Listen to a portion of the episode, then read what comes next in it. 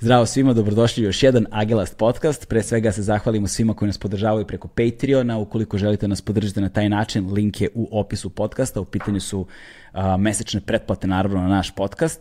Na Patreonu, pored toga što ranije dobijete epizodu, imamo još jedan audio podcast koji je ekskluzivno samo za one koji su članovi Patreona, koji takođe izlazi jednom nedeljno, baš kao i ovaj. Hvala puno svima koji nas podržavaju, takođe jednokratnim uplatama preko Paypala. Ukoliko želite da podržite naš podcast na taj način, link je u opisu ove epizode, kao i u opisu svake druge epizode, bez obzira na kojoj platformi da nas slušate. I naravno želimo se zahvalimo našim dragim partnerima iz uh, uh, Volta, u pitanju je sajt za kućnu dostavu, kao što znate. Pored toga što imaju gomilu hrane, imaju i gomilu drugih potrebština za kuću koje možete da poručujete naravno preko Volta. Tako da samo iskoristite promo kod Agilast ukoliko nemate profil na Voltu, uh, napravite profil, iskoristite promo kod Agilast i ostvarite 600 dinara popusta, to je 3 puta po 200 na prve 3 poručbine i želimo naravno kao i uvek da se zahvalimo našim dragim prijateljima iz Red Bulla. Hvala vam puno na podršci koju nam pružate sve ove vreme.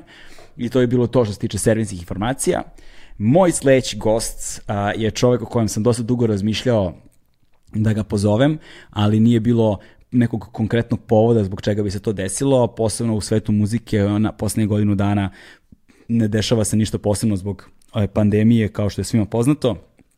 Ali evo, a, nakon osam godina pauze a, objavio je sa svojom grupom single koji nosi naziv Lubrifikuj mi pišurka kao najava za predstojeći album nakon albuma Krigli grupe Bad Copy. U pitanju je Gosan Timbe. Timbe, dragi prijatelj, nadam se da ćete uživati. Počinjemo.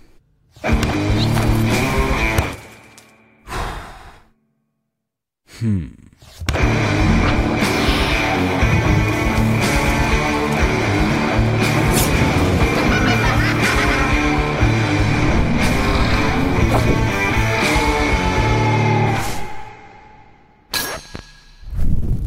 Počinjemo, brate. Ajde. Ajde. Pričali smo o mikrofonima. Super, da. Da. Šta, šta si rekao? pa ti si rekao, brate, da ljudi hoće da rade podcast, a ne ulože u mikrofon, onda sam ja rekao da, brate, ja radim rap, a nemam dobar mikrofon, gajbi. Mislim, imam dobar mikrofon, ali nemam neki, ono, baš, baš dobar mikrofon.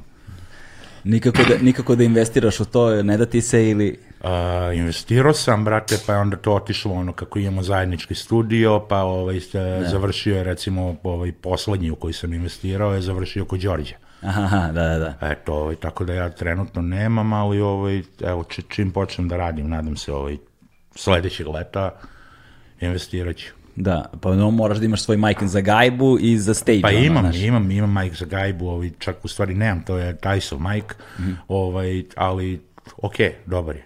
Baš sam ovaj, juče, juče sam nešto snimao i ovih dana sam nešto snimao i okej. Da ja, ovaj, ali to je taj stage mic koji imaš, neku Stage šurku. mic, vrate, šurka, 50, nije ni 58-ica koja je najčešća, nego je 57-ica.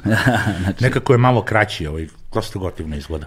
to mi je uvek bilo fascinantno kada, kad, sam, kad god radim neki event gde recimo uh, organizuje se neki događaj gde na primjer angažuju ljude poput tebe ili repere neke kao na nekom recimo korporativnom ili šta ti ja znam i onda unajme produkciju koja će da producira ceo event i onda se dešavaju ljudi koji produciraju događaj, ali nisu ljudi koji su navikli da produciraju rep događaje. Događaj, Znaš, znači nemaju iskustvo repu i onda donesu mikrofone koji su kao za neke muzičare koje su oni snimali, ne znam ti nija šta, ali mikrofoni koji nisu predviđeni da ih drže onako kako ih reperi drže. Znači onda reper uzme, onako, rep, prosječan reper uzme mikrofon skroz do glave, zatvori pola glave, nabije ga usta i onda kad počne ništa se ne razume. Još da, kad mu stegne v uglu, brate, Da, da, da. pa krenu da. ispadaju neki ono srednji tonovi i ubije ga skroz.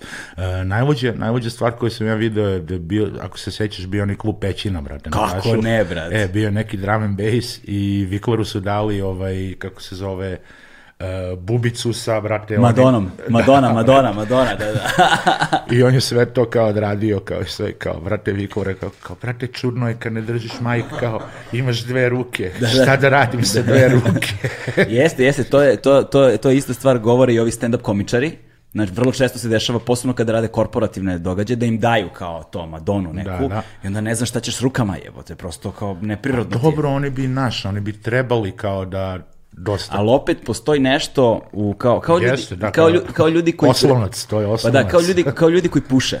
Da. Znaš, nešto ti je u ruci što ti drži neku vrstu fokusa, imaš odnos prema nečemu, nekako se stvara nekakva dinamika koja ti omogućava nastup javni, prisustvo na bini ili šta ti ja znam i postoji tradicija korišćenja tako mikrofona i onda kad to izbaciš, em publici čudno izgleda, tebi čudno izgleda, a sve što je malo neopično odmah te izbacuje iz tog balansa na koji si naviku na rutinu. Jeste, ja ne bih znao šta da radim.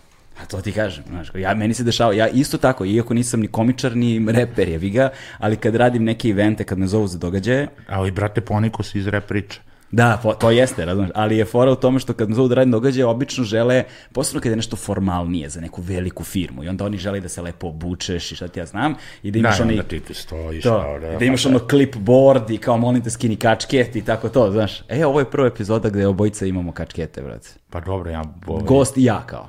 Ja kad hoće da me ne prepoznaju, ja skinem kačket. Da, bukvalno.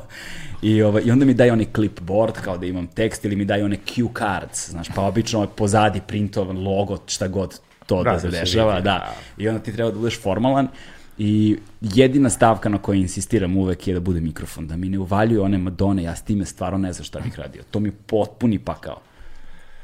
Jeste, brate. Dve, čekaj, dve ruke. Ajde, okej, jednu pesmu, ali, brate, ono, kao cert od, ne znam, festivalski od Čuku ili, ne daj Bože, ono, ceo koncert od dva, dva, dva i po sata. Brate, Pa kao, brate. bez mikrofona, naš mikrofon ti je nekako ortak. Morao bi da, ono, našao bi neki štap, da... Da. Ali znaš šta mi je isto čudno? Sad, da li mikrofon sa kablom ili bez kabla? A, bez kabla, brate. Da. Bolje je, brate. Znaš, posebno kad je, recimo, vas bude trojica na bini i onda kablo, još kad je neka malo I manja onda bina. se desi onaj zaplet, razumeš, na sredini, ono, znači, on napravi se klupko i onda u jednom trenutku ti kreneš i samo ti ostane majk u ruci, brate. ti se to dešavalo, bre. Dešavalo se, kako ne. Strašno. Ili, ili, kada, ili se dešava kod tih ma- majkova sa kablom da, recimo, kontakti prekidaju i onda i gubiš kontakt. Pa dobro, dešava se i vama, brate, da ono se istroše baterije. Pa da. Ovaj, pa u stvari najčešće se dešava, ovaj, najveći problem je što uvek radi neki poluglovi tonac koji, e, koji ovaj, znaš, kao on sad vidi kao rap moment i sad da li on u glavi kako je ceo život štimovao neke rock bendove i to i on kapira da je jedan lead, da su dvojica back ili nešto tako i onda je uvek jedan mikrofon, brate, nešto Jači, da. utišaniji, jedan jači i to. I brate, da ovako stave 99 pojačanih i jedan tihi majke, ja ću da uzem taj tihi. Onda ću, razumeš, na pola koncerta da otme mik Vikler u mikrofon i umesto urlanja, razumeš, da mi iskače pola oka napolje, kažem, a, a ono, Čuje se. I onda posljednji put sam imao u onom nekom sabirnom centru sam ono nešto urlao na sred koncerta na tonca, vrate, pa kao, znači imao sam, imao sam meltdown. Da, ko Britney Spears 2007. brate. Ko, ko kanje ovaj, na svakom koncertu, na, ono, na onoj posljednjoj njegovoj turneji. da, da, da, da, da.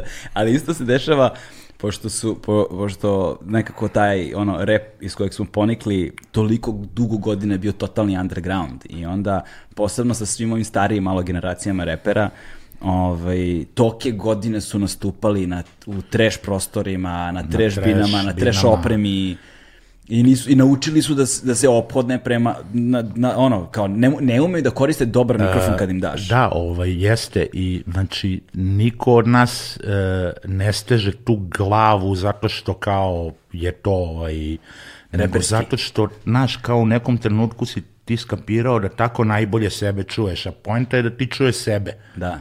I ti čim nešto pustiš nju i kreneš, ne čuje se. I onda nešto ti tu, brate, u svojoj glavi, brate, iskombinuješ i kao ti čuje sebe Da, da, da. ovaj, i kao to ti onda okej.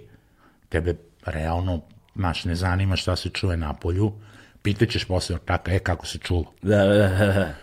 Moraš da Ovaj. veruješ toncu, brat. Da. I ekipi koja I onda ti ortaci koji su navikli da ceo život tako držiš, maj kažu, brate, bilo je najcarski. Da, da, da, da, da, to. I onda, ali pazi, s druge strane, koliko je čudno sad kada bi video repera koji drži mikrofon ono ko šlager pevači 60-ih onako, znaš, za sam kraj, rub onako i kao, tu je, znaš, ili ko Zdravko Čolić, razumeš da drži majke kao da repuje na taj Dobro, imali smo i tu gimmick foru kad ovaj fejkujemo da pevamo Vikvaru prateće ili tako Da, dalje. da, da, da, da. A dobro, I to kad je ovaj, fora, da. Ovaj, znači, bila je neka grupa, brate, ovaj, uh, joj, brate, sećam se imena, Outlaw su se zvali, brate, neki certu KST-u i lik je ovako nešto držao. Da, da, Znači, da. tu mu je majke i on je nešto ovako držao i ništa se ne čuje, naravno, razumeš, jer repuje u ono, u stranu Da, da, da, mikrofona, da, da, da, da. Ali kao gotivno izgleda. ali izgleda najgotivnije na Ko svetu. Batica suđenje, je li on tako držao mikrofon? Ne, Batica suđen je jedan gospodin čovek koji dođe, izvadi rukavicu, stavi rukavicu, pravilno, najpravilnije drži mikrofon. Da, da, da, znači, njemu je to, to je njemu jedan veliki moment, razumeš, i, i uvek sam imao neki respekt za njega, što to, znači, on kao on se pojavljuje na skrcu, Da. na radiju, i kao vadi rukavicu, stavlja, uzima majk i kreće da vodi emisiju i Meni je uvijek bila greota t- i to stalno ponavljam, tog celog jednog perioda a, između 2000-te i recimo 2010. skoro otprilike, zato što imaš skoro celu dekadu sa slabom arhivom fotografija. pa ne postoji ništa, imaš ove desi koju ovaj, Da, koji ima nešto ovaj, uh, uglavnom sa velikih događaja, mada ponekad iznenadi, evo pre par nedelja je postovao ono bičarke na travi gde se vidi otprilike moja ruka na egzilu 2002. da, da, da, da.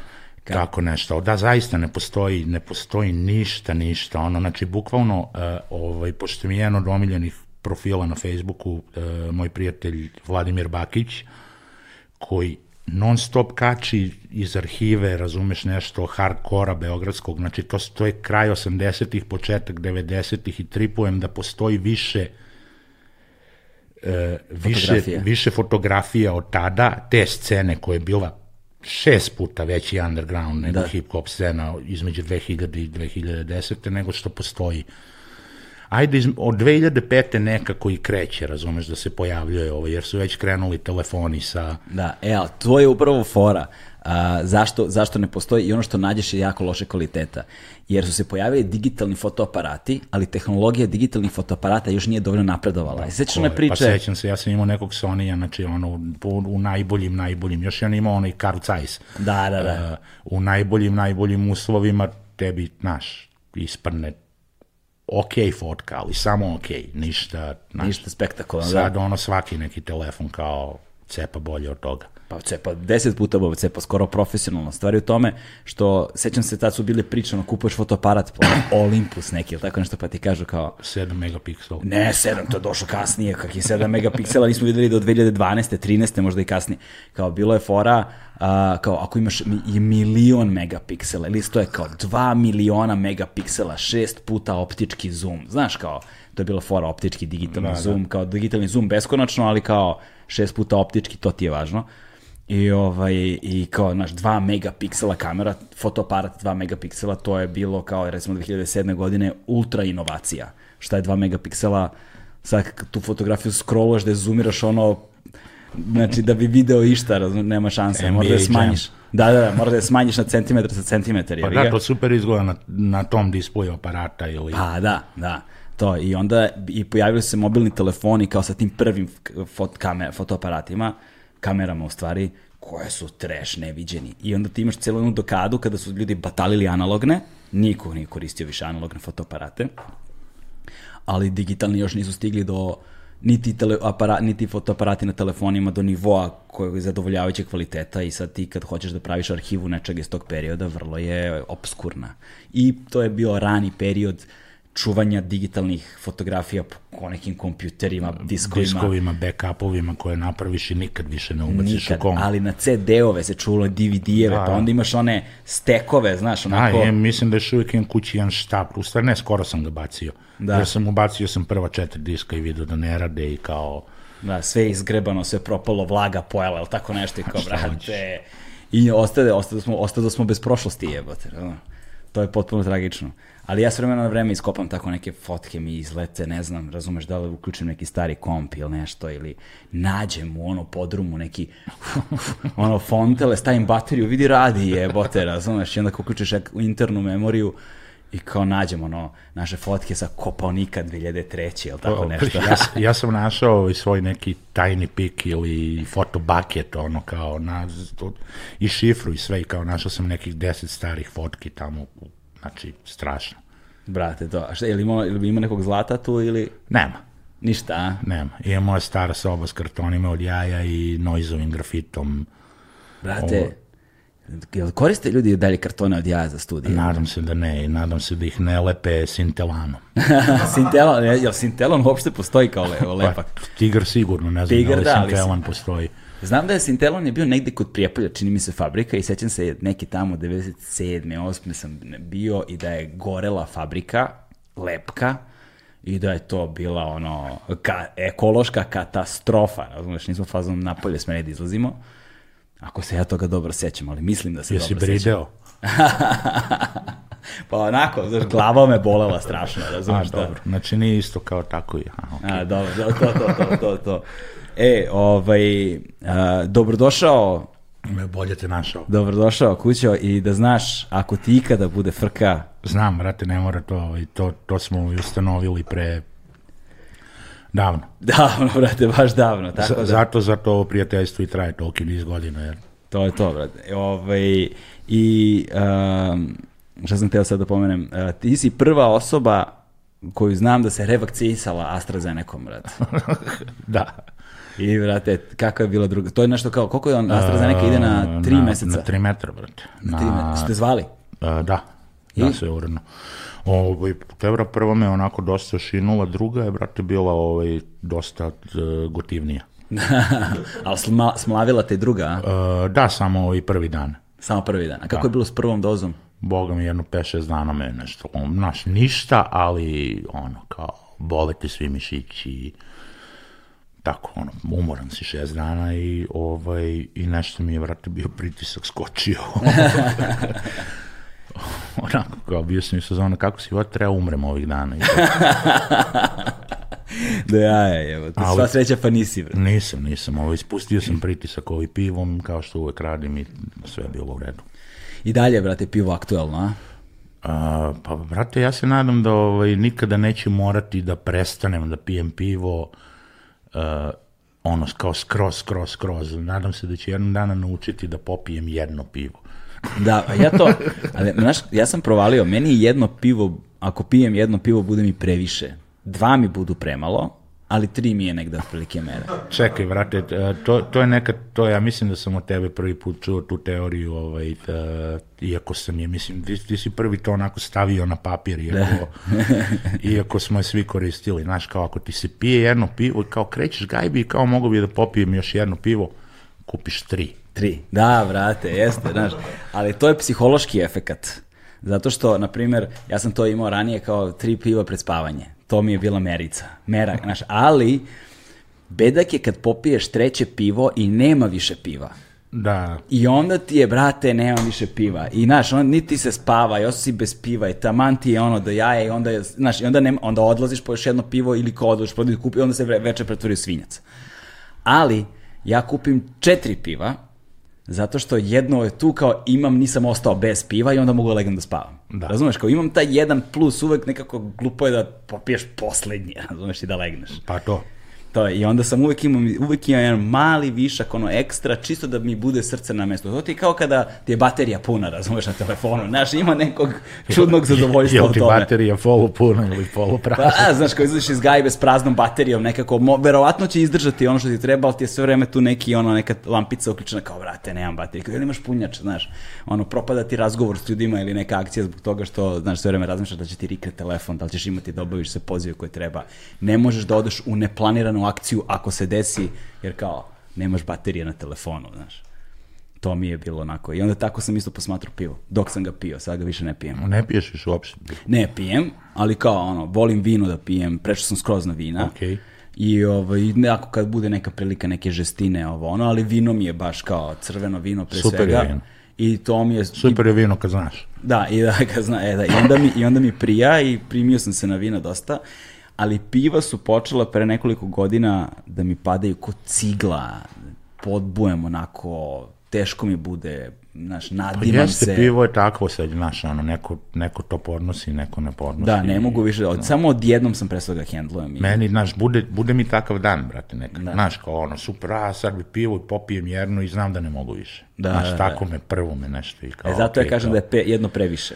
Kad god sam ono negde i super... A, misliš mora da se razbije taj... Pa da, brate, mora se probije, znaš, i s jedne strane, prvo kad popijem jedno pivo od njega mi se, kad ne popijem posle njega više ni jedno, ono 10 minuta, 15 kasnije, zevam, spava mi se, malo mi obori pritisak, znaš, kao sedira me na neki način, Da. a onda popijem još jedno, e tad mi se otvori dizna, razumeš, onda mi malo, razumeš, jedno mi je previše, dva mi je premalo.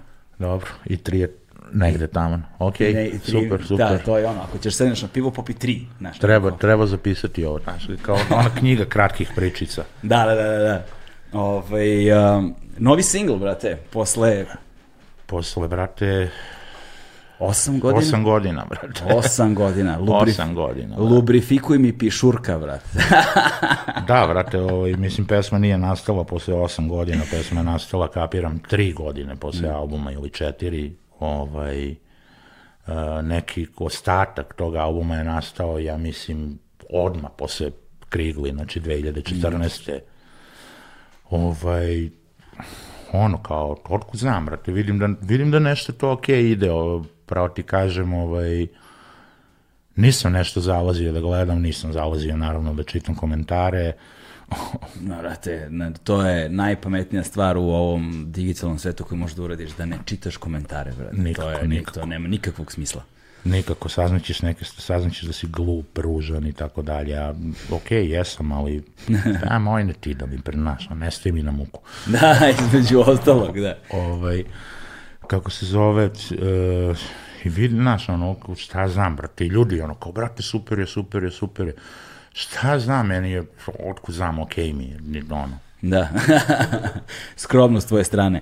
A, pa znaš kako, ja, mislim, ja sam imao priliku ovaj, kod Eufrata da čujem Ceo a, album. ceo album tamo na kotežu ovaj, a, kad smo bili i pustio mi ceo album i brate, to je bomba, tu ima svega i svačega, ono, baš, baš, baš dobrog.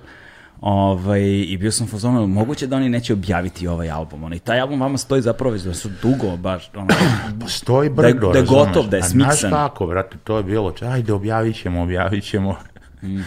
I, ovaj, I onda nismo, pa ovo ono, pa su tu krenule neke dileme, pa onda, razumeš, eh, je, otkud znam, me, pazi, meni album, razumeš, u odnosu na Krigle nije, nije napredak, znaš, Da. nije, nije mi bolji album od Krigli.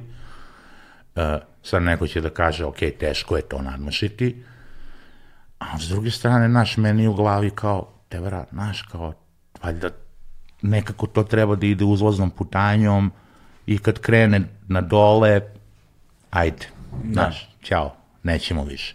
I okej, možda je sad krenulo na dole, i, a mi smo i onako otprilike već ćao i nema više, tako da e, ne znam šta će se s tim desiti, mislim da će čak i izaći album, E, ne znam šta će se desiti sa nama u tom smislu, da li ćemo možda mi da se skupimo, čisto da odradimo dva, tri koncerta, eto da, da ne ostanemo dužni ljudima, ali eto ono kao ja mislim da mi kao mi nećemo nešto više raditi svakako, ono mislim otišli smo svi svako na neku svoju stranu i ovaj, mislim da je okej posle 20 godina da svako ode na svoju stranu. Pa da, znaš, s druge strane, ovaj, to, smo, to, smo, to smo pričali baš, ne, ne znam s kim sam sedeo i kao nekako je Bad Copy postao veći od vas u tom kontekstu, znaš, kao, kao brand, kao kulturni da, kao, simbol. znaš, kao, ljudi znaš, kao dužni ste nam, vi morate zbog ovoga, zbog onoga. zbog publike, da, naravno, ne mora, naravno, ne mora, ne mora, naravno, ne morate ništa, ali nekako,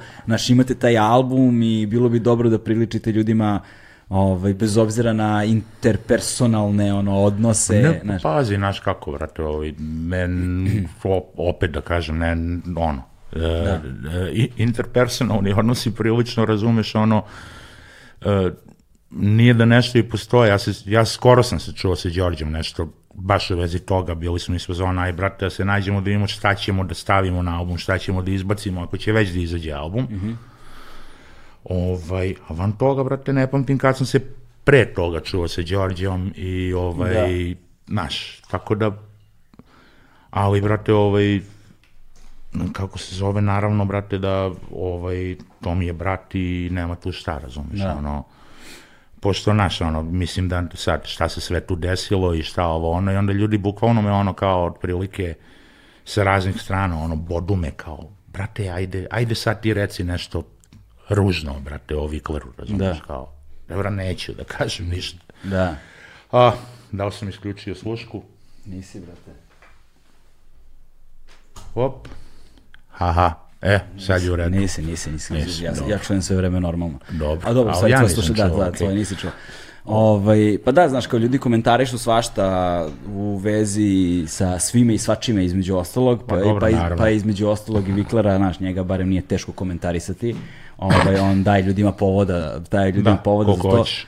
Da, koliko hoćeš, ali Znaš, s druge strane, brate, znaš, čovek ima svoj život, radi svoje stvari, znaš, ima pravo da radi šta god hoće, ovaj, i negde, Ne, naš, naš, pazi moment, razumeš, ono, baš onako slučajno u trenutku kada se sve to dešava, brate, mene kao zovu na neke naš tu emisijice, razum, mislim, ono, internet emisije i to, razumeš, kao, rekao, dobro, ljudi, razumeš, znaš, kao, nemam nikakav materijal, bad copy nema nikakav materijal, neću da gostujem nigde, razumeš, nemam šta da pričam, razumeš, ono, pritom ne radim ništa, ono, u, u pandemiji smo proko tih godinu dana, znaš kao, ne, nemam, nemam šta. Pa znaš, pričali bi ovo, pričali bi ono, otprilike naš, onaj koncept, e, ne znam, brate, to onih tračarskih emisija, rekao, Da. ne, okej, ne mogu, ne mogu. E, dešava se, razumeš da ono, ne, dva meseca kasnije izlazi nova stvar, niko ne zove. Da, da, da. Znaš, niko ne zove da kaže, ok, ajde, reci mi nešto, na šta god. Jedino ko me je zvao, brate, je ono, Biljana sa Sitija, brate. Da, da, ja, Bilja City, brate, nemoj da zajevo. čekaj, od svih ljudi. Bilja City, Da, brate, brate. razumeš? Zove kao... Šta znaš, ona kao sad da- radi? Pa ne, mislim da se zove emisija Biljana za vas i da ide na, na brate, studiju B, ili tako? Tako nešto, a? Da. Jebote, nisam vidio 100 godina. Mislim, ono, Ni ja, ne, nisam imao City-a pojem. praktično, da, da. Nisam imao pojem. Ovaj, znaš, i onda mi je to malo, brate, kao, ljudi, brate, šta vam je? Da, da, I da. to. Ovo, eto, tako da, naš, ono, album, album će verovatno izaći sad kako šta, razumeš, šta će, kako, da će, kako ćemo ga mi posle posirati, razumeš, s obzirom da ne postojimo. Da, da. A kako ste snimali spot? Jeste se okupljali? Ne, spot je snimljen, brate, pre fazom dve godine. Ujebote, znači Da, da. brate. Dobro, koliki bio beba, brate. Da, da, čoveče. Da, sad smo u drugim ulogama. Znaš, provalio sam kako si, kako si ušao u očinstvo, ovaj, tako si se posvetio društvenim mrežama, to je Twitteru, brate, upao si u zamku Twittera. Znači, ja se... Upao sam u zamku Twittera 2009. brate, pa sam izašao iz zamke Twittera, pa sam onda skapirao da sam iznavočen na tu glupost.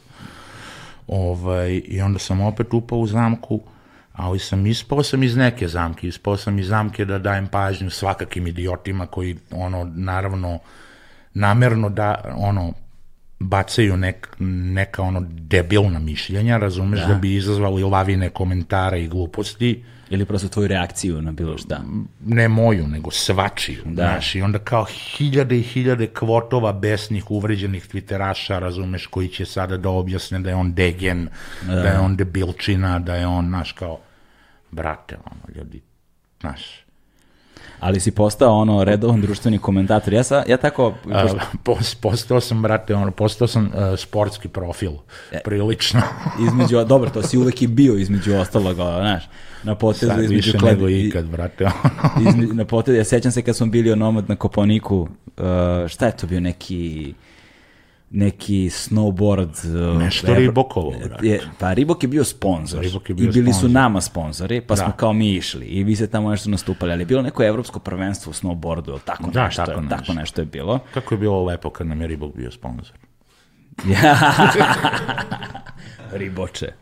Ovaj, i, i, I vi ste dobili u konacima bili sobu. Da.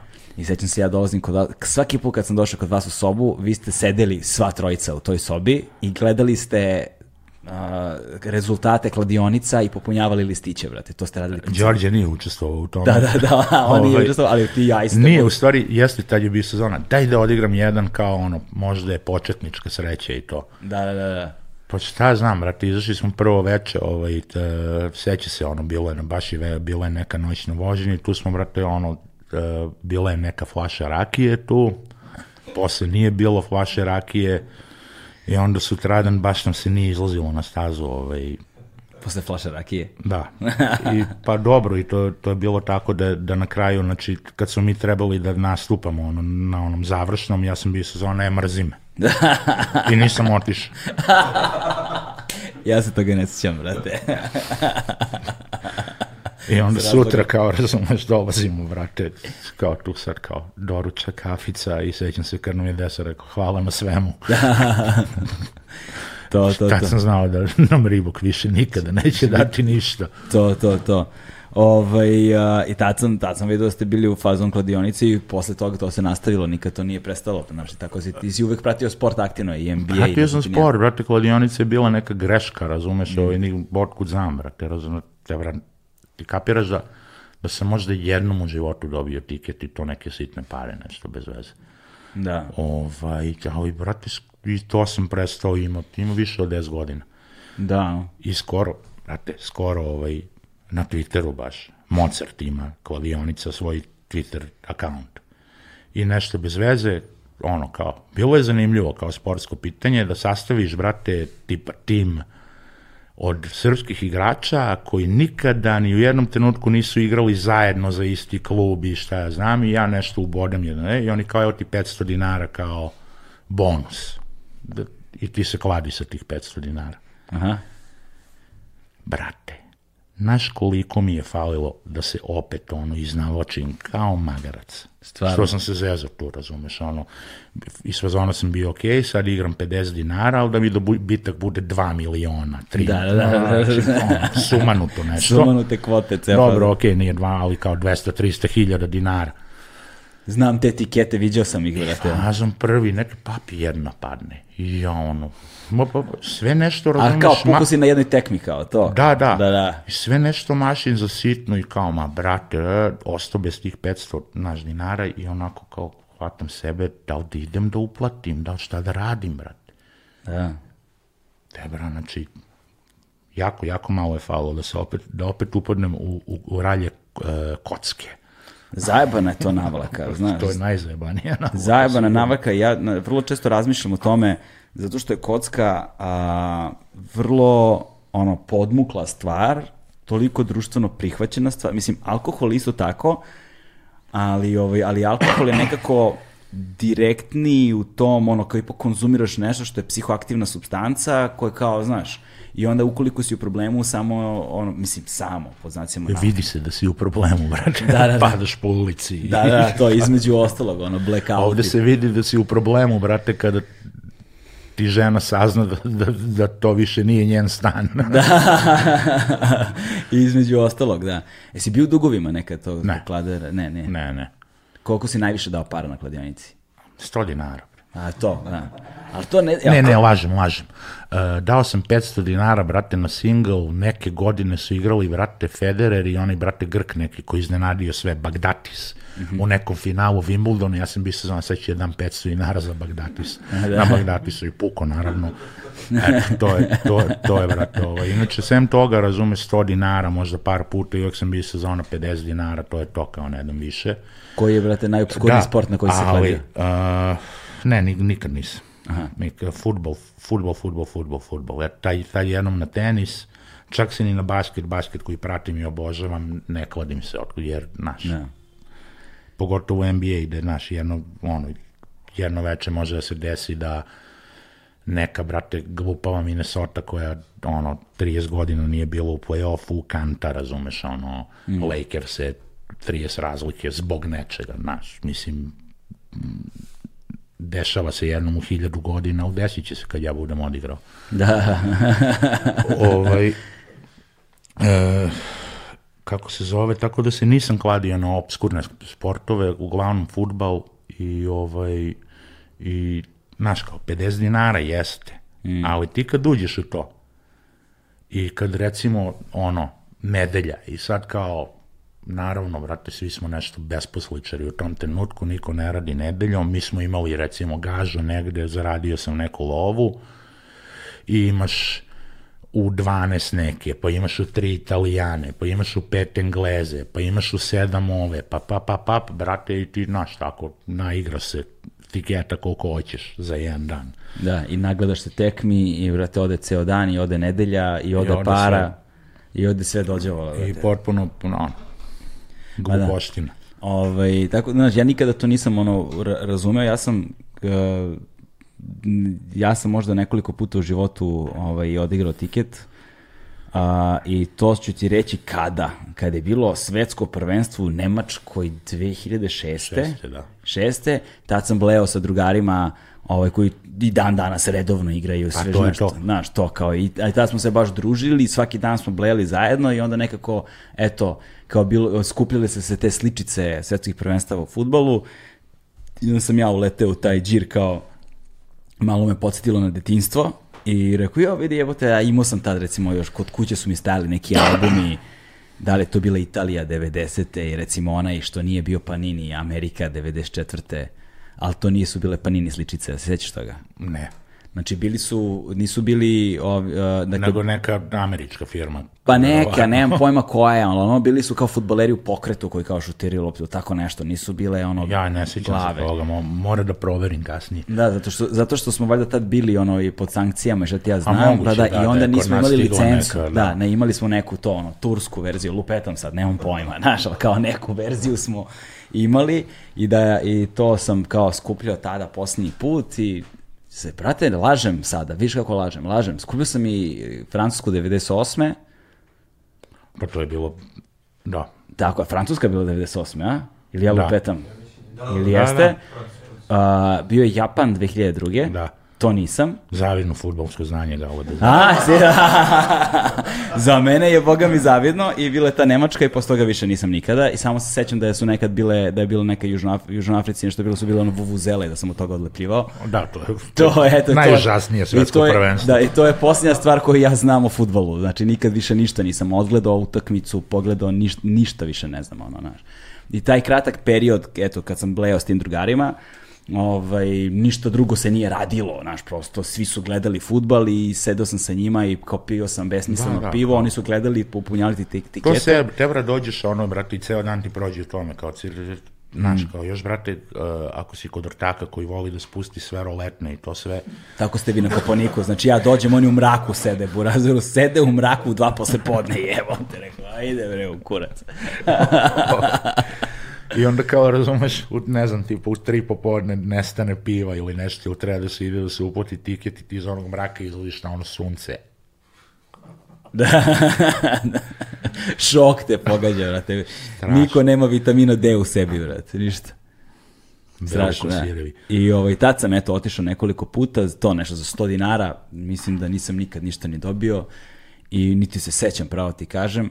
Tako da nisam nikad do kraja razumeo, a što se kocke same tiče kao takve, nisam u životu ušao ni u ka- nikakav kazino, nisam nikad ništa odigrao. Ne, znači, ne, ne znam pravila pokera, ne znam kako se to igra uopšte, ne znam, Nemam nisam nikad ni ja. igrao one, one, one aparate, Ništa, ništa. to ništa, nikad nisam probao i onda, ali vidim vidim u ogromnom ogromnom ljudi strahovit ludilo, problem. da. Da, da je to ludilo. Tu postoji neki trigger koji je, koji je strahovit, možda i gori od ovih ostalih zavisnosti, znaš. Tako da, i onda nemam baš ni neke simpatije prema kladionicama kao takvim. Ovaj, I sve mi je to negde strahovito i ove, ove humanitarne, gistro humanitarne akcije, što kao hvale se. On, Pa dobro, to je u redu, šta? da, para Treba onda- pomoći, brate. Imaš pare, gruni pare, nemoj da me zajebavaš, razumeš da ti koristiš humanitarnost kao promociju biznisa gde zarađuješ na ljudskoj bedi, znaš, nekako mi je to ono, Pa- ne znam. Znaš, svako ima svoje pravo da radi šta hoće. Da Znaš ne- kako, brate, ta kladionica ovaj, dopustila i nekim ljudima koji su ono, u bedi da u jednom trenutku uzmu, ne znam, 400.000 dinara. Pa da, brate, na koji, koji je to broj ljudi Pa u dobro, odnosu na broj okej. ljudi koji ostavlja novac, znaš, da, to, da je to procenat, hoćeš ti pojačati? Opet sam, brate, iscimao kabel, brate. Moraš, da- moraš da mi nađeš bežične slušalice kad budem gostovao na desetogodišnjicu ovaj podcast. Mo, desetogodišnjicu, može, brate. Eto. Može, može. Ove, I kako, tako da, da se vratimo mi, brate, na Twitter, bolje ono, znaš, od dve toksične informacije kao jedna kladionica, druga Twitter, ko je gora, brate, znači, nemam pojma. A? Mrtva trka. Twitter možda, ne. Twitter Kladio- je, Twitter je divna mreža, ovaj, kada, znaš, kada, kada, brate, se posvetiš onome što te zanima i kada isključiš sve ono što te ne zanima, e, može stvarno da bude ovaj cool.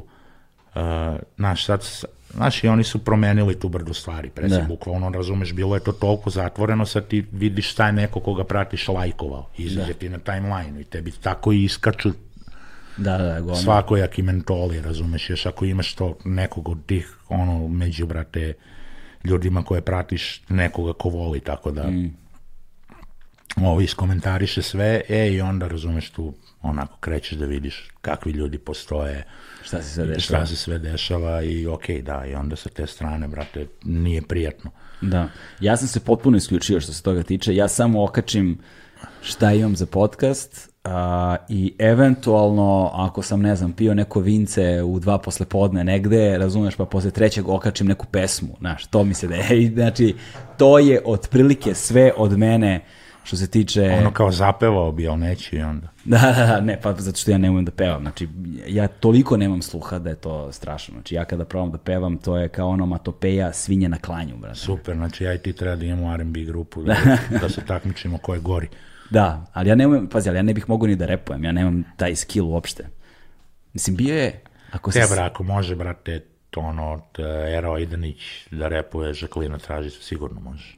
De- bra- znači, a, ne znam da li se sećaš, ali bio je jedan moj strahovito neuspeli pokušaj toga, koji je bio tko- toliko tragično završen, da svi koji su bili prisutni kada se pravio session su me sta, se, ste me stavili u Rime.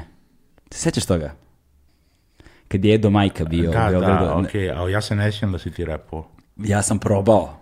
Znači, sedeli smo svi zajedno, Ne sjećam se. Bili smo, bili smo, bio je, ko je bio sve? Bio je, jebote, to je ono rano doba Basivitija, znači to je, jebote, jeste, brate, baš najranije, ra, najranije, bio je, Čava, ja, Struka, Lud, Relja, tako je, Edo Majka, Suid i Marcello. Marcello, da. Šorti, Šorti. tako, gomila ljudi je bila, Da, da. gomila, gomila ljudi je bila, to je valjda kad je Edo Majka došao da promovisao se njegov album ovde, Da, bilo neko nešto, izdanje, da. neke rane 2000-te su to bile, Da, da. baš najranije. I onda smo bili da u nekom studiju u Resavskoj ili tako Da, nešto. da, tamo da je bio Soulflower, onda E. je Lora. E, da, i, ovaj, i bilo je fora, svi su seli da pišu neke rime, kao dešavao se session, ono, ne znam kako, znaš, šta bi se to danas ljudi zvali, sajfer je bi ga, razumeš, nemam pojma. Da. I dešavalo se to, bila je neka super gotivna atmosfera i svi ste seli da pišete. I onda je bilo fazon, kao ajde Galebe piši, ti rekao, brate, ja ne umem. Brate, ajde sedi napiši nešto, pomoći ćemo ti mi. I ja sam, ne znam, posle koliko nečakanja, ja sam bio fazon, ajde probaću. I onda sam probao i onda su se svi tako smejali.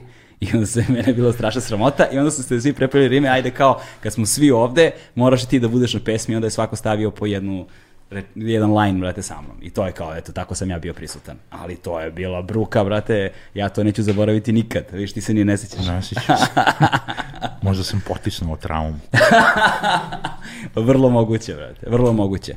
Ovaj, jednom prilikom sam video, da li si to ti, brate, šerovao a, mim, brate, sa obed kopio ovako kao neka dva futbalera, razumeš, ili tako nešto, na pres konferenciji. A, uh, Goga Bitaze, ovaj, brate, uh, da, da, ovaj, uh, ne, ja sam dobio kao, znaš, ne, ne znam ko je sad tu, da, košarkaši su, razumeš, i sad ko je tu bio prvi i drugi pik na, na draftu i kao 7 milijardi novinara kao oko njega i kao siroti Goga Bitadze koji sedi i kao niko.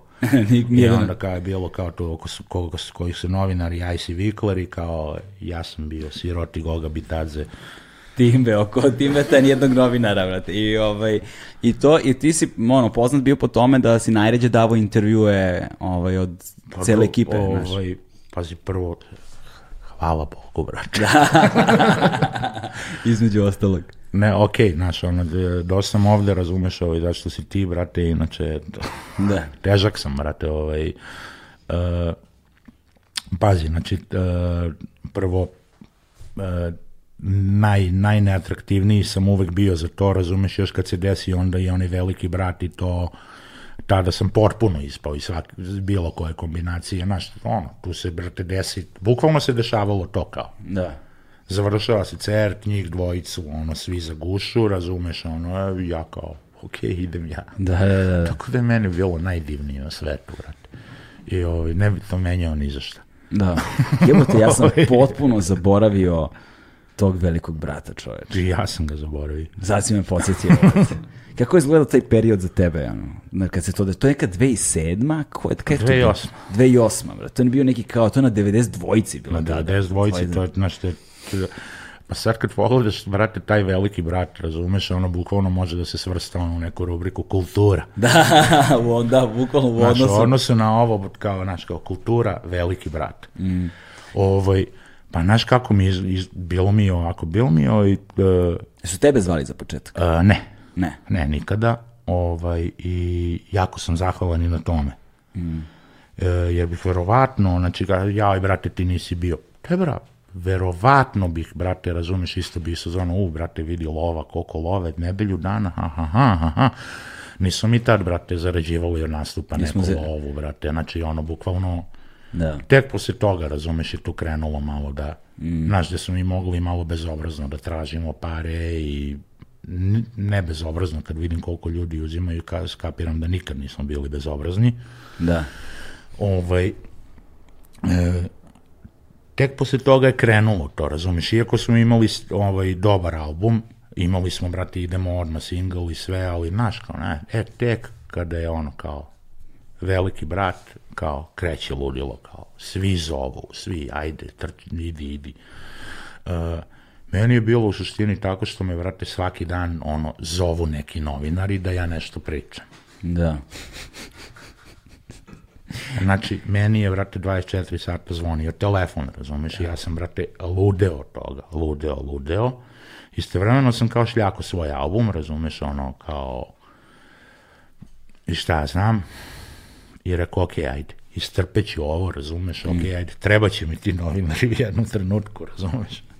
Međutim, ono kao šta se desilo kad sam izdao taj album, sve te novinare sam zvao milijardu puta, znaš, niko mi nije, da. znaš, da je neko digao i rekao, prati Timve, znaš, nije nam to zanimljivo, e, urednik će da kaže, te št- ko je ovaj, razumeš, šta god, ne, nego niko mi se nije nikad ni javio na fon, ni naš odgovorio na poruku, ni bilo šta.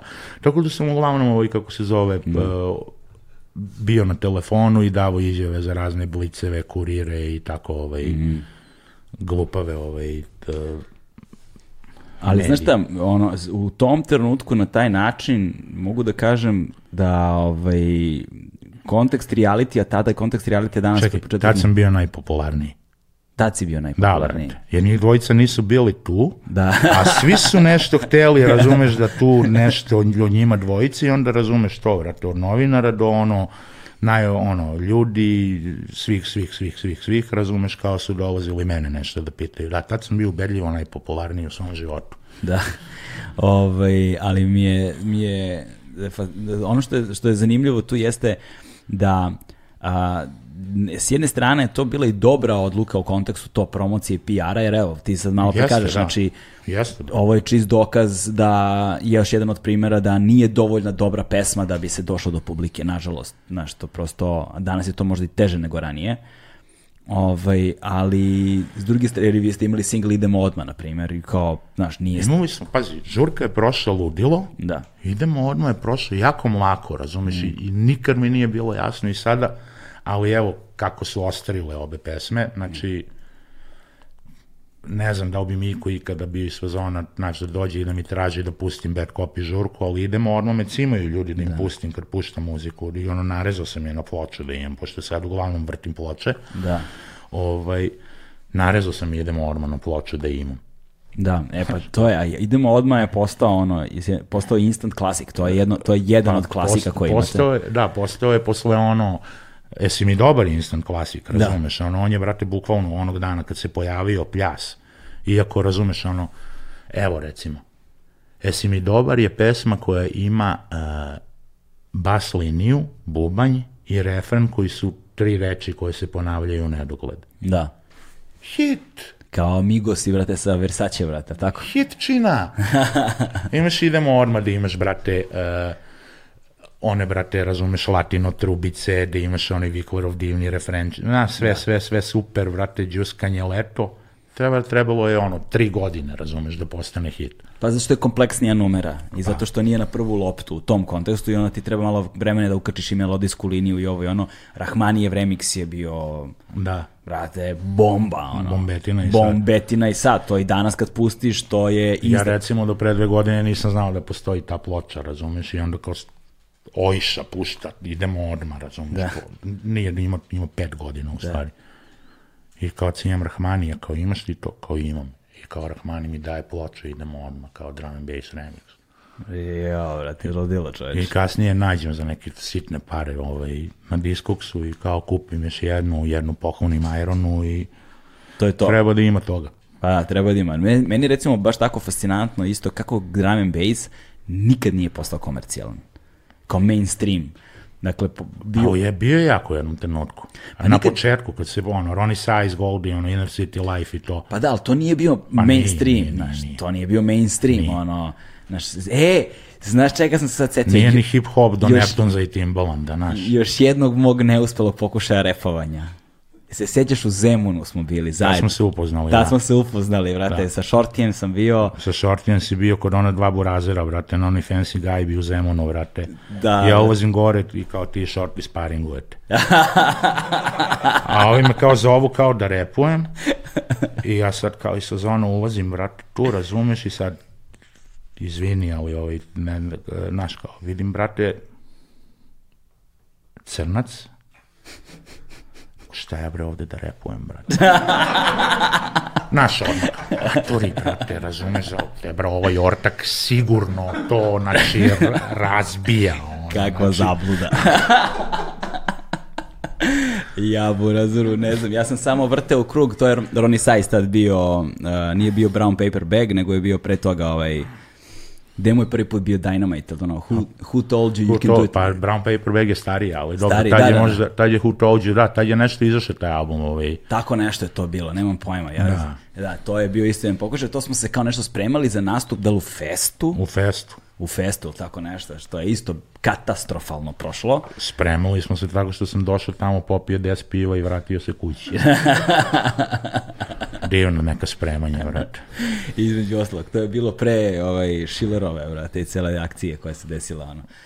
Ovaj, tako da, šta, sam, šta smo pričali, šta smo pričali malo? Zašto drum bass nikad nije Nikad nije post... Da, i onda je bio je Drum Bass imao tu, tu, tu epizodu da je kao uprobio malo, posebno sa Ronnie Sizeom i tom ekipom, pa posle su bili ovi Bad Company, to Adam F je radio sa MUP-em, pa su malo prešli preko bare, pa su sa Amerima radili sa gomilom repera, opet je tu bilo, nikad to nije postalo mainstream, znaš. Bil, bil, Mo, bil, pazi, možda i nije trebalo, brate. pa možda, okej. ali je bila strahovito plesna muzika, to hoću da kažem, kao što idemo odmah. Plesna je, Jeste, melodična brate, je, uh, komercijalna je u svojoj prirodi, tako. Kao što su Marki Stamina bili sa svoje vremeno, znaš, kao, to je Dobro, komercijalan je- zvuk. Pa dobro, meni je to najpredivnije, taj brazilski, brate, funky soul koji su oni. I ne znam, brate, to je jako malo postoji tog, Mm. tog sambasa ili brazilskog drum and bassa sa, sa tim ovaj... Bio je ni Patif isto, tako ta Patif, kifa, da. da. Patif je i bio, brate, nešto pre par godina u domu omladine, ovaj. To ne znam, sećam se Da, kad da, je bio- brate, i to nije bio ni u jednoj sali, nego je bio čim uđeš u dom omladine dole u ovom e, glavnom foajeu. foajeu, u auli, u glavnom, u glavnom holu, brate, to. I onda mi je to, onda mi je to bilo, ovaj, i s- ja sećam da sam to slušao da sam bio, bukvalno bio u fazonu, meni je nemoguće da ovo kao se ne čuje, ne znam, iz svakih kola na ulici, da kao što, kao što su posle Ne, evo, ja sam baš ovaj, tada pričao sa drugarima koji su izlazili po, brate, tehnožurkama Mm. i to. No, oni nisu mogli da skapiraju drum and bass. Mm. Znaš, kao, prebrzo mi je. Znači, onda mi je objašnjeno da je u stvari duplo sporije. Da, da, ovaj, međutim, nikad nisu nešto mogli da skapiraju, ali u jednom trenutku je kod nas bilo jako, znaš, bili su jake žurke, bili su jaki bukinzi. Znači, hip-hop to nije doživeo nikada ovde. da, Do da. duše, zato što niko nije hteo da dovede, znaš, evo, ja ću sad recimo mogu da dovedem uh, DJ-a koji je ubica, razumeš, ono koji je recimo iz neke švabije i koji ne košta mnogo ili iz engleske, kao što je Iron dovodio Boku 45-a koji je legenda. E sad, što ovde 20 ljudi zna ko je Boka 45. I onda ti trebaju neka ta uh, ozbiljnije imena, a hip-hop je ipak bio neki mainstream i nek, ono, i do, došao je na neki, i onda, brate, tebi neki, ono, ne znam, razumeš, ono, grupa koja je posljednji put imala validnu pesmu 94. traži, brate, ono, šest soma. Da. Plus uh, sedam avionskih karata, plus sedam ovoga, plus... Tebra. Da, ti ne možeš da prodaš 120 Ne može karata za njih. prodati Da ga 120 ubiješ. karata. Jedino, jedino što je, brate, što je bilo van organizacije, ono, mislim da su ovde, da je 92 dovodila svoje vremeno Jungle Brothers-e i da je dovodila Rzu. Mm. Ja ne znam za Rzu, kad je Rza bio? A Rza je bio 2000, eh, 2003. ja mislim, ili 2002. A mislim da je 2003. da. Vidiš, to, ni, to sam Rza Rza, Mesta Kila, Tekita i ovi evropski njihovi, ovi Silverings i šta je znam. Ja, jebote, sećam se toga, Da, da. brate. Jao, kako si mi vratio, brate, ono, tu je bio u to vreme i Vadim, brate. Da, Vadim je bio, Vadim je bio, brate, ono, Ali bio je Vadim do prvi put u industriji, nešto od 99. Znači, znači rap koncert meni dan danas, mislim, nača žurka, ubedljivo. Da je Kila Kela prvi put bio, tako Da, sa njim? Kela, brate, Buloram 13, Mr. Ting, eh, znači, ono, Da, to je bilo. brate, ja ne znam šta bi dao da, da, da se nešto slično desi, da, uf, Kako objasniti ljudima ono taj trenutak? To je dosta to je dosta čudno. Dakle, uh, Vadim dolazi, a mi smo ga tad znali, ali tad bio on Russian Percussion već u velikoj ili nije? ne, ne, mogu da znam sad, skapiram, to. brate, tog dešavanja, ja bukvalno znam dve stvari možda od Vadima Da. i nisu mi se nešto sviđale te dve, u stvari jeste, terorist mi je ono, Da, da, da, ti i R, Da, R, da, to je ok, bilo. to mi je ludilo, ovo da, da onako, razumeš, a mislim, ok, e, to, to se dešava, razumeš, pre, pre nego što sam došao na radio skrc, razumeš, taj prvi vadim. Uh, ali kao, brate, on je super, on je osvi, o, ok. I, brate, prvo večer dolazim, kreće Vlada Janjić i kreće nešto baš mlako kreće, brate. I Ja ono, znači, znaš kad si DJ on ti dođe na kriv. Amatori, svi su se smorili. ovaj, bukvalno sam bio sa zona da dođem. Vlado, pa pusti nešto brže, razumeš. Ovaj, međutim, tu se dešava pljas, nestaje struje, brate. I izlazite napolje, dođete s kartom, bi- dobit ćete novu kartu. I ja do, I ti? treba mi mikrofon. Da, da, da, da, da, da, da, da. Ovaj, Imaš jednu ruku viška, jebi ga. Da. ovaj, dođem s kartom, brate, pa uzimam kartu, izvolim, brate, da je tu samo nego ta žena koja, brate, daje karte nazad, da nema nikoga, vratim se još tri puta u red, brate. ovaj, uzem karte, sutra, razumeš, naravno, ne, ne, ne dolazim sam, do, došao sam sam, razumeš, Da, da, da, znaš, da. kao, u fazonu naći ću nekoga, međutim, ni, znaš, bukvalno, od re- ekipe koja je tad kao nešto slušala rep i to, niko, niko, niko, bukvalno niko. Dolazim sutradan, brate, ovi kreću odmah, od početka kreću, ili sam ja možda došao kasnije, pa sam propustio Vlado Janjića, ili je možda bio Vlado Janjić koji je bio neuporedivo bolji, Da. ne mogu da se setim, izvini Vlado, ali tad mi je to tako zvučalo. Da. Ovaj, kako se zove, uh, šta se događa? Znači, to prvi put čujem onaj, uh, mislim, tad, još, tad sam tek kao nešto, možda sam dva puta u životu vrteo muziku s nekih CD playera, razumeš? Mm. tada niko, niko kod nas nije miksao muziku, sem munje, ali naš munje je tad nisu, nije, nije bio serato, nije bilo ničega, još uvek, e, Munje je imao koliko je ploče imao, razumeš, nije, naš, i onda- Munje, Munje tada za tehnokratiju vrteo da, haos. da, mahom Munje je osam. već otišao iz hip-hopa potpuno, pojavljivao se, razumeš, kao ono, naš, kao sad ne znam... Kad ko- treba se skrečuje. Kad treba se skrečuje i to. I sada ti dolaziš ovde i, brate, ti čuješ znači skrečeve, ono, na ulazu u, brate, stvar. Čuješ onaj koncept gde prvo pušta originalni sample Arete Franklin, One Step, pa kreće Miss, uh, Miss Fat Booty od Mos Defa. Da. Pa čuješ, brate, uh, Kelu, razumeš, pre, tad je u neko to vreme izašao i onaj uh, ranije izašao, Razelov, brate, Razel iz Ruca, koji Da, isto da, da, da.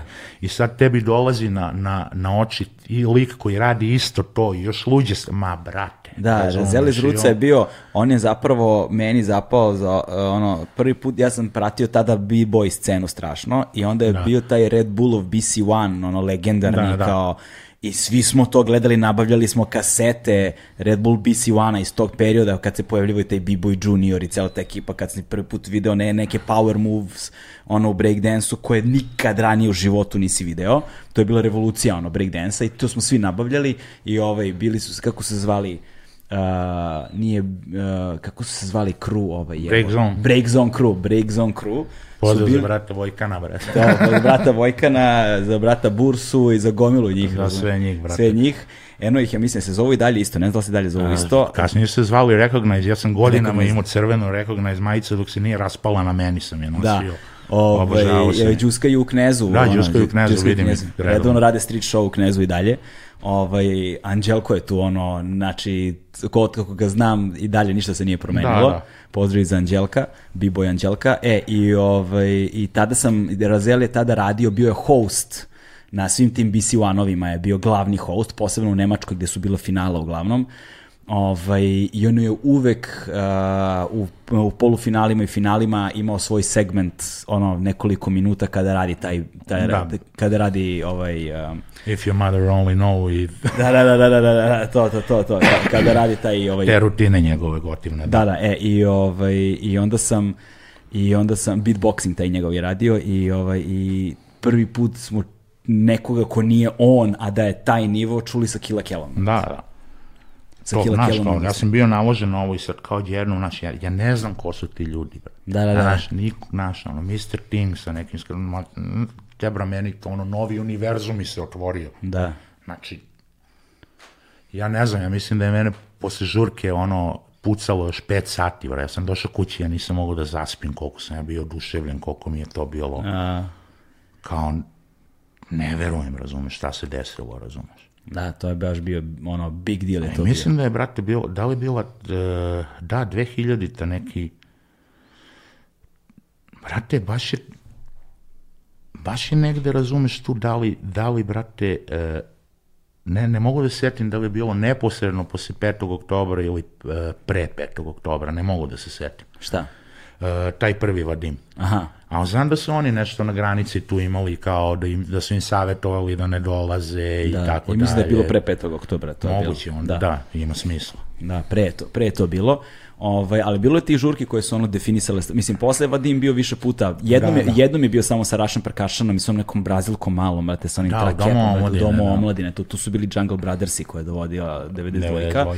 To je bio isto legendaran nastup i Vadimov u SKC-u taj veliki isto bio sa Killa Kellom drugi. Da, ali to je baš, to je baš propalo. To je baš propalo, da bilo To, je. to, to je radio brat moj side one, razumeš, ono iz najbolje namere, međutim, ovaj, nije se potrafilo sve tu kako treba. Ali ti neki, recimo, prvi strani nastupi koji su, ja mislim, definisali Das barem, FX je bio, ja mislim, prvi. pa, ali, ok, ali računamo Ice-T-a pre toga, Body count. Body to. count, Da, da, nije da. rap, brate. Nije rap, da. Ali ok, Ice-T je, Ice-T Ice-T, je Ice-T. neka rap institucija, razumeš, ovaj, uh, a Lords of the Underground? ne, kad su bili? Nisu bili. Nisu, Nisu bili. Bili su, vrate, Ne, Urban Dance Squad. Urban Dance Squad, Urban ok, Dance Squad, da. izvini, Urban Dance Squad, Urban Dance Squad. Kad su oni bili? uh, 96. 7. ne znam, nija, brate. Ne znam, mislim, ja nisam bio na tom nastavu, nemam pojma, bio sam i klinac previše, ali znam da su Urban Dance Squad bili, tako da nisu Daz FX bili prvi. Ali Daz FX su bili prvi koji su generisali Brate, među Urban našim Dance generacijama. Squad su, brate, ono, holandjani koji Da, da. su gotivni, ali nisu hip-hop, brate. Da, da. Ovaj, Daz FX su prva, ono, rap grupa, razumeš, koja je ovde bila, brate, i to, to, to je radio, brate, Mare Genova, Soulflower, i oni su radili posle i Gurua, brate. Mm. Tako to, to su, brate, dva, dva odlučna certa, brate. Guru, brate, koji, ali nije bio sa premijerom, nego je bio neki DJ Toro, ili tako nešto, Toros, A, kao Bik nešto, kao DJ Toros je bio i neki Kramp Snatcha, Kram brate. Snatcha, brate. A ko je Kramp Snatcha? Ja to Kram nikad nisam Snatcha, skapirao, pa brate. Kram Snatcha je to on, neki, brate, to otkud znam, brate, ti si ga vidio kakav Da, straight from the prison, Ono, brate. to, da. brate. Straight from the Mardelj ortak došao, brate, To. da. Ovaj, Čak imao on jedan, brate, ono polo hit sa ono MOP-em, brate, ovaj Kram Snatcha, i imao je nek, ono, mislim, tad smo slušali sve kao, brate, Kram Snatcha, te, brate, bez veze. Da, da. A dobro, znaš, to je bio, to je bio Jazz Matez, nije bio Gangstar, bio je Guru. Ovo je samo neki polovni Jazz Matez, jer, znaš, nije bilo Donald Birda, nije bilo, nikoga nije dolazio s bendom, kapiram da je postojala ta opcija za manje para, jer verujem da je taj show sa bendom bio preskup. I ovo je bilo preskupo, sigurno. Da, cimo sam relju, ja bio skoro baš i Johnny je dečka cara, dečko car je radio plakate za to, ja sam cimo i relju i Johnny je rekao, vrate, ali imate negde jedan plakat viška, šta bi da, ja bi to da, ako neko ima plakat taj sačuvan, ja želim taj plakat i da ga uramim i da ga stavim ovde negde da mi stoji. To je meni, taj, meni, taj meni taj gurov koncert baš bio važan. Ono. Da. Baš mi je bio važan. Daz Effect su mi bili super i kao, dali su mi spliff, ono sa bine, vrate, bio sam u prvom redu, davili me tamo, razumeš, pošto ona bina sa KC tačno ti je dovde da, da. negde, pa me nabiju, razumeš, na grudi nisam mogao da dišem, ovaj, ali, ali mi je guru bio mnogo važniji. Baš mi je ono, to mi je bila prekretnica. Šta znam, meni Daz Effects, jer smo bili pre njih, Da, jeste. Ovaj, I naš onako, iako čak tad, brate, ne znam da li iko znao jednu našu, naš, nije, nije postojalo. Mm. Postoje neki disk CD koji se nešto vrteo po gradu, razumeš, mi bukvalno, ni, naš, mi nismo imali sad neku pesmu koja je nešto poznata ljudima. Uh, bili su, brate, VIP koji su imali keš kolica, VIP da, sa džusom. Sa džusom, znači, da, prvi. Koji su imali keš kolice i ko će to da plati, koji su ljudi znali, razumeš? I Srbija je socijala, tako je. da, i, i vrate, Atlantida je ovaj, da, kao Atlantida. već tad nešto izašla uh, i ne mogu da se setim, brate. Ja mislim da, da Atlantida je izašla za Tilt, onu kompilaciju da, da, pa ta, tu da. je izašla i moja bivša pička, ona neka drum and bass verzija, ja mislim. Mm. Ovaj, uh, kako se zove, I mi smo dosta, brate, dosta smo odnali show, razumeš, mm. ovaj, sa nekim glupostima, ovaj, našim, ovaj, na harizmu. da, na harizmu, ne na veresiju, još je nije bilo, brate, tada, da.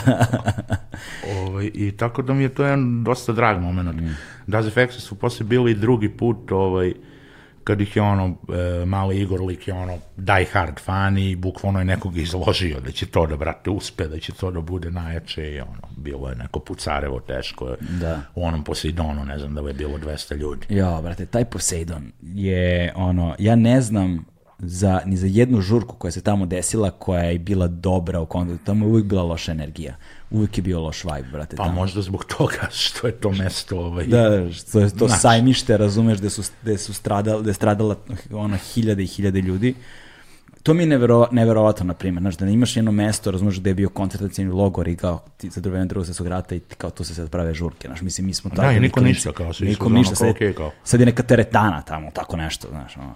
Ali u tom Posidonu isto bio posljednji put sam gledao recimo tamo Marke i Staminu i bilo je katastrofalno. Bilo su neka breakdance takmičenja isto na koje sam odlazio. Ima jako loša energija, brate, jako loš vibe, baš je mračno, baš je grozno i baš je bilo onako, uf, nisu, nisu mi to lepa sećanja, znaš, iz tog Posidona, ono. Ovaj, ali, ali, su, ali bio onaj legendarni hip-hop jam na Kolosu, to je nešto neke 90. brate, isto jebem li ga kraj. A, mislim da je 99. ili početak, 99. to ono leto. Leto neko, brate, kad da. su bili ono Dead Niggas klik iz Užica i ko je već bio tako, znaš ti, bilo, bilo, bilo crtanje grafita i to, tad mi je, to je meni recimo bio ono baš kao jako važan trenutak kad sam upoznao gomilu ljudi koje sam do tad znao samo ono preko radija Geto, ono preko ove emisije Geto na radio politici ili naš, ono koje sam čuo preko radija uglavnom, da, koje nisam da. upoznavao jer nisam kao bio deo neke šire ekipe. Da, Nigga Sklik je to Deniro beš. Jeste, brate, Jeste, Deniro, da. da, da, to. Niš, Užice, šta je to? Užice, Komir, Užice. Užice, znaš Užice. to. Ovaj, Ding Dong su tad Ding bili. Dong, Ding to Dong, je... to je Niš. Da. To je Niš, da. I bila je ova ekipa Leskovac, Niš, kako su se zvali? Defense. Defense i CB4. CB4, Danilo. Danilo, da, da. Ovaj. I, ovaj, I onda je bio posle toga, a, ali to, kad je bio Vadim, pa posle toga, taj, te rane 2000-te, znaš, meni su dva još događaja koji su nevezani za hip-hop, ali koji su meni mnogo baš značile, bio Cold Cut u Barutani. Predivno. Brate, to je meni bio ono... Joj, brate, ja svaki put kad sam išao, znaš da je bila fora da, brate, se vereš po zidovima? Da, da, bilo, da, da, da, da, kako ne. Dva puta sam, brate, na For Hero i na Cold Cut sam ulazio tako. Oba puta sam imao Belly Dux.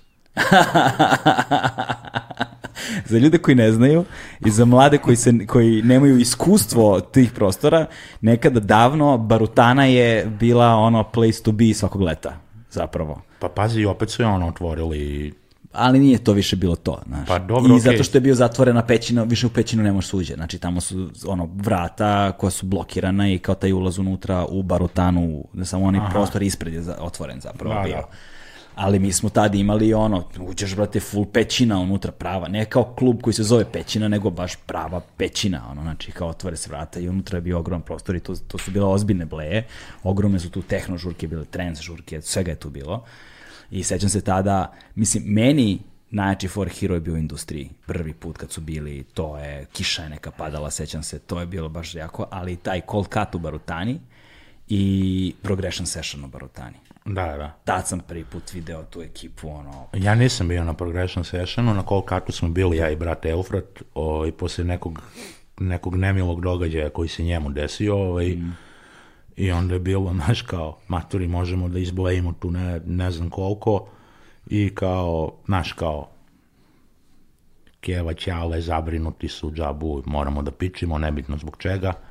Međutim, kako je sve to krenulo, odlučili smo da Hugi, znaš, kao, Da. ostanemo do kraja, brate, mm. ok, razumeš, E, ostali smo do kraja, došli smo, brate, gajbi bili sezona, brate, sad ćemo da popijemo pivo, imali smo 0.24 trafiku, dolazimo, brate, ono, izlazimo iz taksije kod te trafike, šest marica interventne, ludila, šta je bilo, bacili bombu na fikutra, brate, Au, brate. kao, brate, znači, posle tog kolkata, tačno se sećam, brate, to je bilo, brate, to je, kako je ono izgledalo bolesno, sa oni su, brate, dovukli tonu svojih ono gluposti, brate, pa bukvalno neki zvučnici koji izgledaju kao neke rakete i nešto. Imali su tube, one, oni su, Pa oni, to. oni su zapravo imali nekoliko dana pre toga radionice.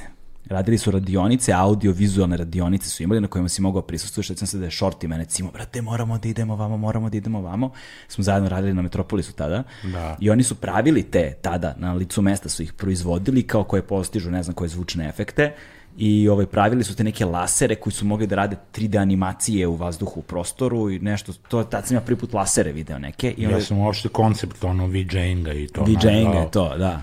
I onda su oni ceo taj audio-vizuelni ono, uposlili, upregli u trenutku kada je kada se desila ta žurka kao poslednji dan, treći dan. Na primjer, oni su recimo tru, tri dana bili, kao dve dana neke radionici, treći dan Ja do prvenstvo. ta dva dana nisam znao, evo Da, sad da, prvi da, put znaš, pa evo, pa mislim, e sad, ako mene sećanje vara, neko će, razumeš, biti pametniji u komentarima, reći, oj, golebe, nemoj da izmišljaš, znaš, ali ne znam, ja mislim, ja, ba, ja se sećam da je bilo ovaj, tih nekih radionica, ili možda, lažem, ili je možda, recimo, bio kao radionica koja je bila taj dan samo ranije u toku dana, recimo da je bilo u toku dana i posle podne, pa da je uveče bila žurka. Ne mogu baš da se setim, ali znam da su bile te radionice gde su ljudi odlazili ko bili u fazonu, brate, šta smo videli, ono, šta će da bude večeras.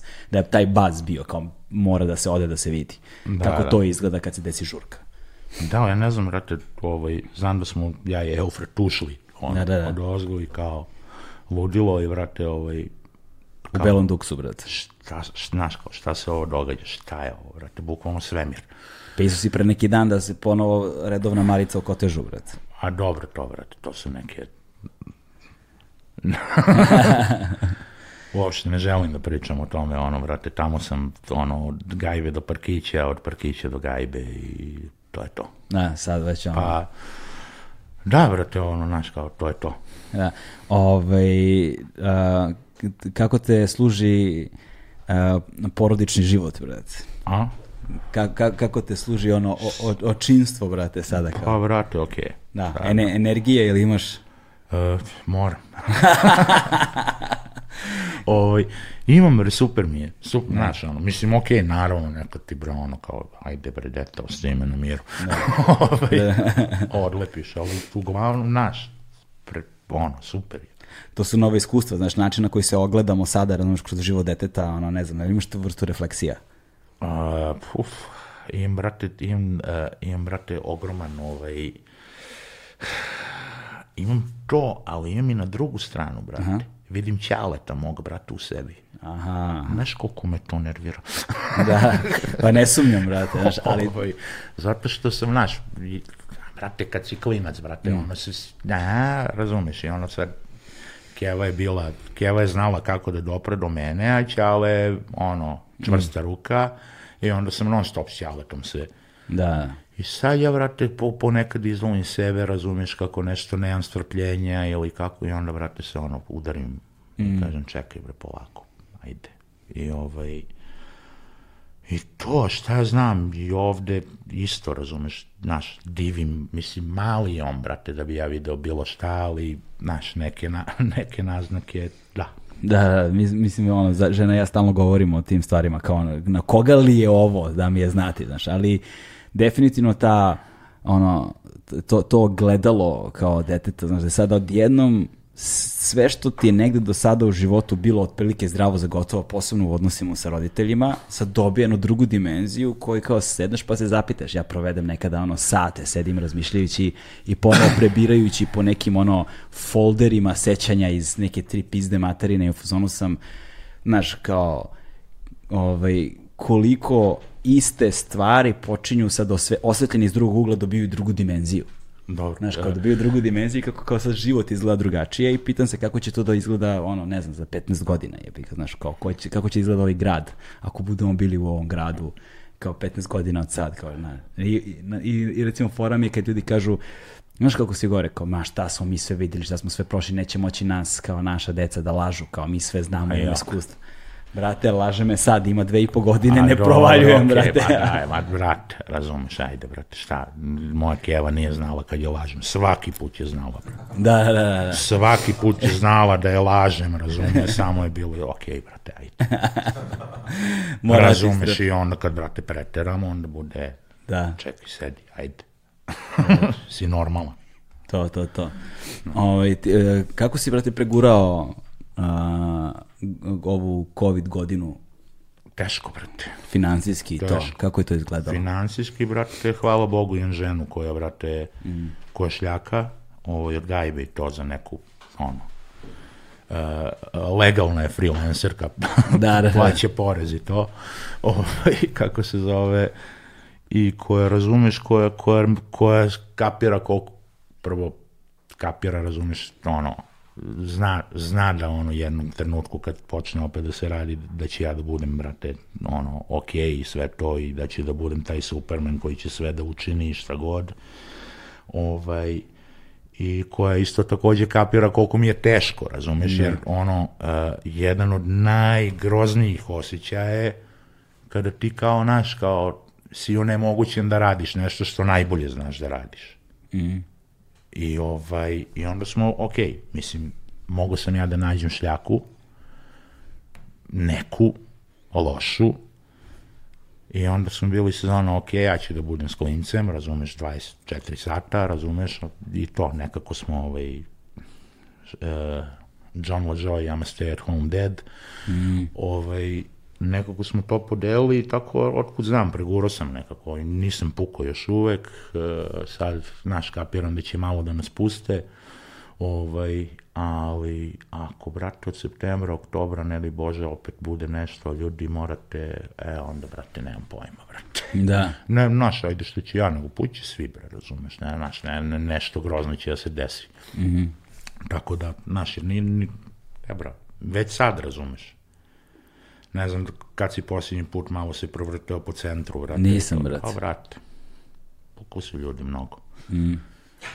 Ovaj, Znaš kako ja znam da su ljudi pukli? Tako što ovaj, kad god mi neko traži ono, uh, savet za recimo terapeuta, na primjer, znaš, da li za psihoterapeuta, za psihijatra ili šta god, znaš, da neko ima neku vrstu problema i onda, pošto ja idem redovno na terapije već duže vreme i tako dalje, i onda kada razgovaram sa nekime i traži mi kao terapeuta ili nešto da posavjetujem, i onda pozovem neke brojeve telefona koji imam neki terapeuta koje znam da mi upute, nema slobodno. nema, brate. Nema slobodno, nigde, znači ni ovi najskuplji, niko, znači ovi najskuplji nikad nemaju slobodno, ali kao, znači nema, nema, nema slobodno nigde, kao, znači ljudi su ono, znaš, To je recimo su otprilike neki Znači, parametri znači ne pomažu motivacioni posteri life coacheva, očigledno. na Instagramu, brate, i to, znači ne pomažu, ni pomažu ništa, brate. Budi najbolja ver... Matori, hoću ja da budem najbolja verzija sebe, ali ne ide mi tebe. Mm. Treba mi pomoć, brate. Da, jasno, jasno. meni je najgore, meni je najgora stvar bila kad je počeo ceo taj lockdown i kad je počelo sve to, svo to zatvaranje, znaš, kada ova ekipa koja je bila u fazonu, ako sada ne napravite sve što ste želi da napravite, onda znate da nije do drugih nego do vas. Znači, sam u fazonu, ili kao ovi što su biti u fazonu, sad ćemo da upišemo kurseve jezika koje smo želi da naučimo, idemo, sad ću da se bavim najzad jogom kojom sam želeo da, kojom sam želeo da se bavim, a, ne znam, sad ću da pročitam sve te knjige koje nisam pročitao. Burazeru, Samo rad na sebi, samo se uvršava. Samo Da, se da. Imao sam jedno dva dana tako. dobro, šta si radio tad? Sve sam uspeo. Šta sam radio, brate? Na, teo sam nešto kao, ok, sad ću ja da, brate, malo ovo, ono, znaš, kao, stao sam za gramofone, stavio dve iste ploče, krenuo malo da radim džaga u ovo, ono, super, super, super. Drugi dan, brate, te, brate, ajde, bre. Ne, znaš, ne inspirativno, ne sve, brate, kao si pisao, šta da pišem, brate, šta, znaš, kao, ja, se radiš album, brate, super, čim krene nešto da mi se dešava u životu, razumeš, ja, znaš, kao, okej, šta znaš, da pišemo virusu, brate. Da, da. Da pišemo kriznom štabu, brate. Jer, znaš, to mi se, de, evo, brate. brate, ovo, znaš, kao godinu i nešto, već samo mi se to, bre, dešava, razumeš, i to je, brate, brate, ja pijem. Veze, samo lagano. Znaš, evo, samo se to dešava, svuda je to, razumeš, onda kad si gleda, ok, kre- krenule su vakcine, ajmo, vakseri i antivakseri, a, a, I eto, kao, znaš, neinspirativno je, neinspirativno je, užasno je i ovaj, da, tako da nisam e, ni u jednom segmentu napredovao, e, nisam ništa usavršio, nisam smršao, e, ali eto, aj, ok, e, nisam se ugojio to dosta, s obzirom da je sve mirisalo na to da ću, ono, verovatno, Da. da nabijem još 10 kila, uspeo sam, bilo bi previše, onda bi stvarno, mislim i ovako je previše. Ali ostao si pod Ovaj, kontrolom. Ali okej, znaš, ono, ni- ni- nisam nigde dobio, ali nisam ni izgubio nešto, ovaj, negde, tako da, šta ja znam, brate, na, na, ono, i onda sam u jednom trenutku skapirao, brate, da u suštini uh, trebam da radim samo ono što mi, ne znam, koliko god mogu da radim nešto što mi prija, ovaj, da ne bi, brate, otišao s mozgom i pogotovo to da ja vršim neki pritisak na sebe, da ja sada moram da ja nešto tu e, što bi rekli korpo ljudi, to nije problem, to je izazov. Majstore, problem je, bre. Da, da, da, problem je to. Problem to je je, ono što bre. ljudi ne kapiraju, dakle ovo nije bilo, niti je dalje slobodno vreme koje ti Nije. ispuniš ako nego ovo je nužnost, ovo je prinuda, na, posebno kada je bio lockdown, bili smo zatvoreni, jebote, znaš, nismo bili slobodni. Bili smo sve samo ne slobodni. Ma. Ovaj, I znaš, i razmišljam dosta često o, o, o kao ugostiteljskom biznisu, znaš, o ljudima koji su, to je bio i kad mi je Kojot bio gost, između ostalo Kojot mi je bio gost baš u vreme ono najgorog lockdowna, znaš, i on, Da. on meni kaže, brat, znaš, te brat, muzičar sam celog života. Znaš, Znaš ja kao- znam drugo da radim. Na, ne znam, ni, znaš, kaže, ne znam ništa drugo da radim, ali kaže, nemam ni jedan skill, nemam sposobnost, znaš, da, ne, znaš, kao, ja bih volao da odem na gradilište da radim, kaže, ne znam to da radim, kao, znaš, ne znam, znaš, i, on, i to ja potpuno razumem, našli su se u potpuno zajebane situaciji, posebno ljudi koji nisu komercijalni muzičari tog kal- kalibra koji ono imaju single spot, single spot na Single spot, YouTube-u. brate, uzima kaplje, neka YouTube lova, neka Sokoj lova, neka ova Da, lova. i, neka, znaš, neka to. Spotify, Deezer lova Da, i da. to, znaš, i onda se skupi tu neka kinta. Ono, ja mislim, fino zarade od tih tantijema na autorska prava i od streaminga, jebi ga. Da, brate, da, mislim, znaš, imaš bre ljude koji ne, imaš bre bendove, brate, razumeš, Mm. koji idu sviraju u nekom ono kafiću, brate, njih petoro podeli, ono, 100 eura. Da. Šta oni mučenici?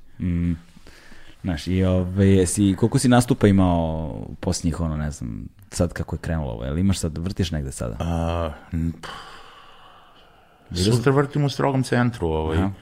To sutra će verovatno u trenutku ovaj, t, emitovanja ovoga biti pre nekoliko dana. Da, da, da, to. Ovaj, I, znaš, to je polulegalno, polu... Je li ti žurka polulegalno ili polu ilegalno? Ne, zva, zavisi kako Znaš posmetraš kao stvari. sa, ovaj, Pa, ovaj, važno je da je polu, znaš. Ali ja bih rekao da je to u ovom trenutku sada polu legalno. Pošto sad planiraju, koliko sam razumio, da produže radna vremena lokala, Da. da je kao to više nije do 10, dok, dok Do ajde 12 nego da kao, kao. bude 12. Vidim da svi masovno kad prođem nešto, ono, počinju sa matineima, to ime Da, sada da. svima fora, ono, od pet posle podne već roka svuda je. ga. Znaš ko je najjače prevario sistem, brate, ovi zimus, oni half. Koji Half? su, da, koji su radili od 6 ujutru. To me podsjeća na industriju za vreme bombardovanja. Koja je radila od 11. Pa. Ok, ujutru. ali naš, brate, sad, a, razumeš, znaš, kao, takva je situacija, Mm. brate, razumeš, ljudi, brate, um, znaš, te, brate, ružno je kada ti, brate, ono, smrt e, postane svakodnevna tema. Da. I kada već znaš neke ljude koji su, znaš, ono, kao, nažalost, nisu, brate, preživeli, Da. stvarno je ru- ono, ali sa druge strane, vrate, prođi, vrate, u ovim okolnim uličicama oko Knez Mihajlove, pa čak i ovde. Da. Znaš koliko je lok- lokala za izdavanje. Mm. Znači, znaš koliko je biznisa puklo, brate, koji su, znaš, pre... I Jes- sad, znaš, sam, znaš, samo ti je odjednom ti je zabranjeno da radiš. Pa, znaš, ti ako si ceo život radio nešto, i ako si ceo život, pa, znaš, nije, nije lako sad, kao sad ćeš ja za, brate, nedelju dana da op, op, op, e, sad radim nešto drugo. Da. A nije baš. Ja sam prošao relativno skoro od Trga Republike do Slavije peške i izbrojao sam 28 zatvorenih lokala. Taj fazon. 28, brate, to ti je ono, ne može veći centar od toga. Da, da. To ti je ono najstruži centar Beograda, glavnog grada, ono, znaš, kao i 28 zatvorenih lokala koji su kao ćao pod bravom. Nije čak ni izdaje se, nego ono, prašinčina se ono uhvatila paučena godinu dana, brate, to već. A evo sad kao najavljuju exit. e, Šta lo- misliš da toga bude, brate? Pa, znaš kako, brate. Vidim da se, vidim da se ovaj, nešto i ovaj Love Fest isto reklamira, sad da reklamiraju, nešto vakciniši se, bilo neka kampanja. Da, šta okej, sam- kao verovatno, znaš, da li će da bude to kao da samo vakcinisan ili sa nekim testom možeš da uđeš i da će oni da organizuju neke punktove za testiranje. Ali svakako, e, bio sam prošlog leta, ovaj, e sad, prošlo leto i ovo leto nije isto zbog sad različitih sojeva virusa i ovo ono, ne znam kako će to da bude. Ali bio sam prošlog leta na diskutabilno punim mestima, razumeš, po Beogradu, brate. I mislim da, znaš, ono, kada si na polju, stvarno, znaš, mora neko da ti se onako unese u cufa i da te, verovatno, brate, dobro, ovaj, Dobro zalije, brate. dobro zalije, razumeš, ovaj, da bi, znaš, kao, tako da, znaš, ono, eto, kao, Ali kad je glasna muzika i cepa se piće, onda se to dešava, znaš. pa hoće no- čovek da zapeva. Hoće čovjek da zapeva, ne, hoće da ti kaže nešto. Znaš ono kad ti ljudi dođu kad je... Da, brate. Jo, to mi je... A onda kaže nešto tako glasno pa ti onako zabole uši, razumeš? Pa, znaš, kao, kao, kao, ne, kao ne, neko probije iglom u Bio, uvok. je, e, bio je, vrate, ovaj neki klipić mali, ovaj, uh, uh, nine on ten people have been uh, victims of drunk freestyle. To mi je na, tebra, ok, ne, naš, ne, nema toga više, ali pre, razumeš, ono kao dođeš na rep, razumeš, i samo ti se neko prijoli na uvi. Brate, ja sam bio... Da. Ao, brate. Je, evo te, da. Ovaj, e, ka- kakav si ti, brate, sa freestylom? Užasan, brate. Nisam bacio freestyle, brate, ne pamtim. A to je isto stvar treninga, jednostavno, znaš, kao ti kad to non stop, non stop, te vrte, tebi se u glavu urežu, brate, ono, neke reči koje se rimuju i imaš ih i onda ga, brate, Kombinacije, voziš ga, punčevi. voziš ga, voziš ga, voziš ga. Razumeš, čim, čim se malo zapustiš, bukvalno ne može se sastavi sa jednim redom. I ovaj, to je to. Znaš šta sam ja provalio? A, o tome sam isto razmišljao svoje vremeno dosta, ovaj, ali evo sad ponovo.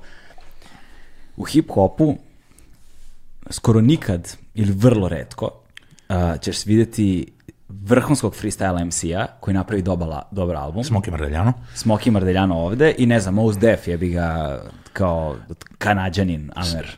Uh, Ali, ali generalno koliko ljudi ima koji na, su... Pa ne, znaš, ne znam koliko je, e, Bilo Ono što sam gledao, brate, od Mos Defa, razumeš koliko su to freestyle-ovi, koliko je to off the Cypher, head, da, da, da. razumeš, na, koliko je to u stvari napisano. Imaš ti njihove freestylere, nekad su to bili ovaj Supernatural, Juice, sad, su- sad je neka nova generacija, ne znam ni ko je već, uh, ko je tu i šta, koji su to. Znaš, kao, e, oni nikad nisu mogli da izdaju dobar album. Ovaj, e, zato što, verovatno da su se posvetili freestyle-u, a ne pisanju. Da, da. Razume, Smoke piše, njemu je freestyle ono, e, hobi. Da, da, da. On piše, razumeš, i posvećen je tome i piše, piše, piše freestyle i okej, mogu da ga bacim, mogu da bla, bla. I ovaj, zato je, znaš, a ovi su ljudi koji su se posvetili freestyle-u, njima je freestyle donosio lovo, jer je ljudima verovatno bilo zanimljivo, on dođe, razume sad, u neki klub, šta god, Da, da. I ljudi izvade upaljač, on urimuje upaljač i kao ha ha ha, kao jesi vidio ovaj ortak, vrate, šta gor mu pola, on rimuje, ha ha, gde, tu i tu, ajde idemo, 10 dolara karta. Verovatno im je to donosilo neku lovu i onda su se posvetili tome. I to je to. Da, jebi ga, znaš, i tako. Ali da, i ta evolucija koja se dešava među brojnim tim muzičnim producentima, sećam se, ovaj, nekada su Black Eyed Peas bili ono, znaš, kao kultna hip-hop grupa, jebi ga. E, kultna hip-hop grupa otiši u retardaciju, e, vratili se iz retardacije, snimili hip-hop album i sad su opet u retardaciji. Kad su se vratili iz retardacije snimili hip-hop album. Uh, tipa 2018. Stvarno, ja to da. sam to potpuno propustio. Da, i sad su 2021. su opet u retardaciji. Retardaciji. Znači, idu, idu istu igricu drugi put, brate. Da, da, da. Kako se zove, veš, ovaj, Vila M, brate. Bila je. Vila M. Da, ozbiljan, znaš, oh, sve, sve, su to ozbiljne lobanje, razume, samo ok, uradili smo dva rap albuma, nije išlo Mm. i onda idemo ono, where's the love, ok, ajmo Fergi i tu kreće. Da. Tako je isto, Pa mislim, ali to ali, ali to je najgora, znači, znaš, kao od sve, od sve retardirane muzike, meni je, mislim, Black Eyed Peas, najkretenskije nešto, razumeš, i najneslušljivije. Ono. Da, oni i oni Pitbull, brate. Dobro, Pitbull nije baš, znaš, e, ti malo si besan, brate, jer znaš da je Vila M, brate, ono, Da, da, da, da. znaš, da može da radi dobru muziku i sve to. Pitbull nisam siguran, brate. Da, da, da, Znaš, ovo- ovo su možda njegovi mogućnosti. Idemo, brate, ali to je, naš, Pitbull, šta ja znam, to je Miami, brate. Ja bih voleo da je neko, brate, ma, nasledio taj A. Miami bass, ono što su radili, brate, Two Live Crew i Mhm. pritom to je naša, ono, to je party muzika. Ovaj, otkud znam, brate, te bre neko izvalio njega da je on super, brate, pap, idemo budžet, ok, Timbaland, tad najjači producent, Mhm. uradio mu Elevator, uzeli smo pare, to je to. To je to. Pa da, tako isto i Crank, ja mislim Atlanti, ili odakle je već bio, pa je posle došao Trap, je ga naš, ali kao, jel, jel, jel, LA, odakle, gde je odakle je Lil Johnny, ta ekipa je ga. Atlanta, Atlanta, Atlanta, to i Snap, koji su bili negde počeli, odakle su oni? Snap, Da. Snap je bre švapska grupa, Ne brate. Snap, ne, onda ne Snap, kako su zvali ovi drugi? Bili su to vreme koji su radili taj, kako su, koji su kao bili začetnici tog krenka, jebi ga, sad mi je stao mozak, ne funkcioniše mi, nemam pojma. Ovaj, ali, ali, je- ali je fora u tome što, da, kao Vila M ima, ima taj talenat i onda jebi ga uzme lovo, to se stvar dešavala i u drugim, ono, na primjer, Ma ljudi... ne, to su, pro- pazi, ali, e, Pit, pa i oni su na kraju postali, ali Pitbull, to ti je, razumeš, klasičan projekat neke izdavačke Mm. kuće da obrnu neku lovu. Ok, njima se isplati da daju Timbalandu te i te pare Da. i on će da uradi, op, op, uzeli. I onda, razumeš, kad ti ortaci ostanu, razumeš, Mm. bez Timbalanda, bez Neptunsa i bez tih, razumeš, ono, načih njuški, Da. Razumeš, krenu da se vidi ono, kreće se da se čuje, razumeš sve to što im, ono, Nedostaje. koliko su netalentovani ili koliko, znaš, tako Da, ali recimo to se dešava u svim, u svim, svim ono sferama kao muzi, muzičkog biznisa i muzičkih žanrova. Na primjer, ljudi često zaboravljaju kao da je David Guetta recimo godinama bio ono kultni DJ i kao producent. Da je on zapravo bio ono Dobro, to sam čuo, nikad nisam pratio. Pa da, kao ja sam igrom ovaj. slučaja, ja sam igrom slučaja znao, jer smo kao, ja se sećam, na primjer, ok, radio sam na tim muzičkim razno raznim, pa sam čuo sve te neke, šta ti ja znam, i ta ekipa koju, koja, koja, prati, koja prati elektronsku muziku, znam da je David Guetta imao vrhunsku Da, da. reputaciju, da je on u Parizu radio te, ne znam, 12 sati partije, da je on 12 sati miksuje neprekidno i da ima, ono, da je on izgradio svoje ime To je bilo dosta love, a nije bilo dovoljno da se ide private jetom ovaj, Pa da, na i gigove ovaj- i da se radi nova godina u New Yorku i Londonu. Ono. On je dolazio zapravo, ja mislim, ja sad, ispravit će me neko ako grešim, ali koliko mene, ako me sećanje ne vara, David Guetta je bio kao DJ u klubu Underground pre, ne znam, pre nego što je postao ovaj David Guetta, kako sam Moguće. da je vrteo neki vrhunski haos i tako dalje. I da je on baš bio to i samo u jednom trenutku, i desilo se sa velikim brojem tih s početka 2000-ih recimo koji su napravili tu tranziciju, ali to ne znači da su izgubili kapacitet da prave dobru muziku, samo što im se osladila ono, Dobro, okej. osladio im se poslovni moment, što je opet negde legitimno, znaš. Ali kao kako sad, rec- recimo kad govorimo o hip-hopu, znaš, na primjer ti manirizmi koji su se pretvorili u copy-paste, postali su toliko dominantni da, znaš, ja sad više ne znam, meni je, na primjer, sad trep neki da čujem, meni se baca pegla toga, znaš, meni to pošlo se toliko isto da zvuči da ja... Dobro, imaš, znaš, imaš tu, brate, trep. Ovaj, t- ima tu svašta da se pro, probere, razumiješ, da. ono, naravno, kao i u svakoj muzici, brate, znači imaš smeća i imaš gotivnih momenta. Ovaj, iskreno, brate, ovaj, nekako kako je krenulo ovo, brate, e, na tu stranu ovaj, muzike nisam išao, brate, Da. skoro sam pitao ortaka, brate, je li Drake još popularan? Znaš, potpuno sam, potpuno sam malo ovaj, prestao, inače, ono, u normalnim okolnostima, naravno, prati muziku, brate, uh, ubio bi se da ne prati muziku i da znaš, da sam iz fazona, e, to izašlo 92. to je najbolje, znaš, nema više potrebe ništa. Ima potrebe, vrate, zato što, ono, kao prvo i sam radim neku muziku, drugo, si, postoje ljudi koji sigurno, vrate, se dobro tripuju i prave dobru muziku, samo moraš da ih najuriš. Ovaj, ali kažem ti, na tu stranu nisam išao, ono, nisam čuo ni da u Migos rade nešto novo. Da, Da, nemam pojma, zaista, zaista, zaista ne pratim, ali ono što meni recimo nedostaje i to je da, bilo da li će neki klinac da me nazove boomerom ako kažem Migos kao Migos, brate, so 2018. Da, ga, ne znam, ovaj, stvar je samo, mislim, ja sad kak, tako u kontaktu sa, sa, sa različitim ljudima čujem i tu i tamo po nešto i onda su se tu desili nekakvi ono ekskursi, nekakve eksplozije, nekakvih likova koji su stvarno totalno bizari. To se sad dešava sve i svašta i eksperimentiše se sa zvukom u tom smeru jako puno. S time da naravno onaj generički najveći deo je jebi ga sranje i bože moje, znači ne govorimo, ne govorimo sad o, o njemu, nego je fora u tome što kada razmišljaš o sebi, o svojoj karijeri, kada, znaš, ok, bad copy je možda u nekom ono, polu nepostojećoj fazi, ali kad posmatramo, znaš, recimo Prti nikad nisu napravili tu vrstu kompromisa, niti ih to ne zanima. Ovaj, Smoki, recimo, ne radi tu vrstu kompromisa, znaš, ali opet se gradi nekakva publika, Ali, opstaje. pa, pazi, zamisli, čekaj, zamisli sad mene, brate, razumeš Da. da, ja kao nešto... Ali ima ljudi koji naprave tu tranziciju. Prvo, okej, uh, ajde da kažemo da to slušaju neki uh, mladi gaseri, razumeš, Da. kako se, okej.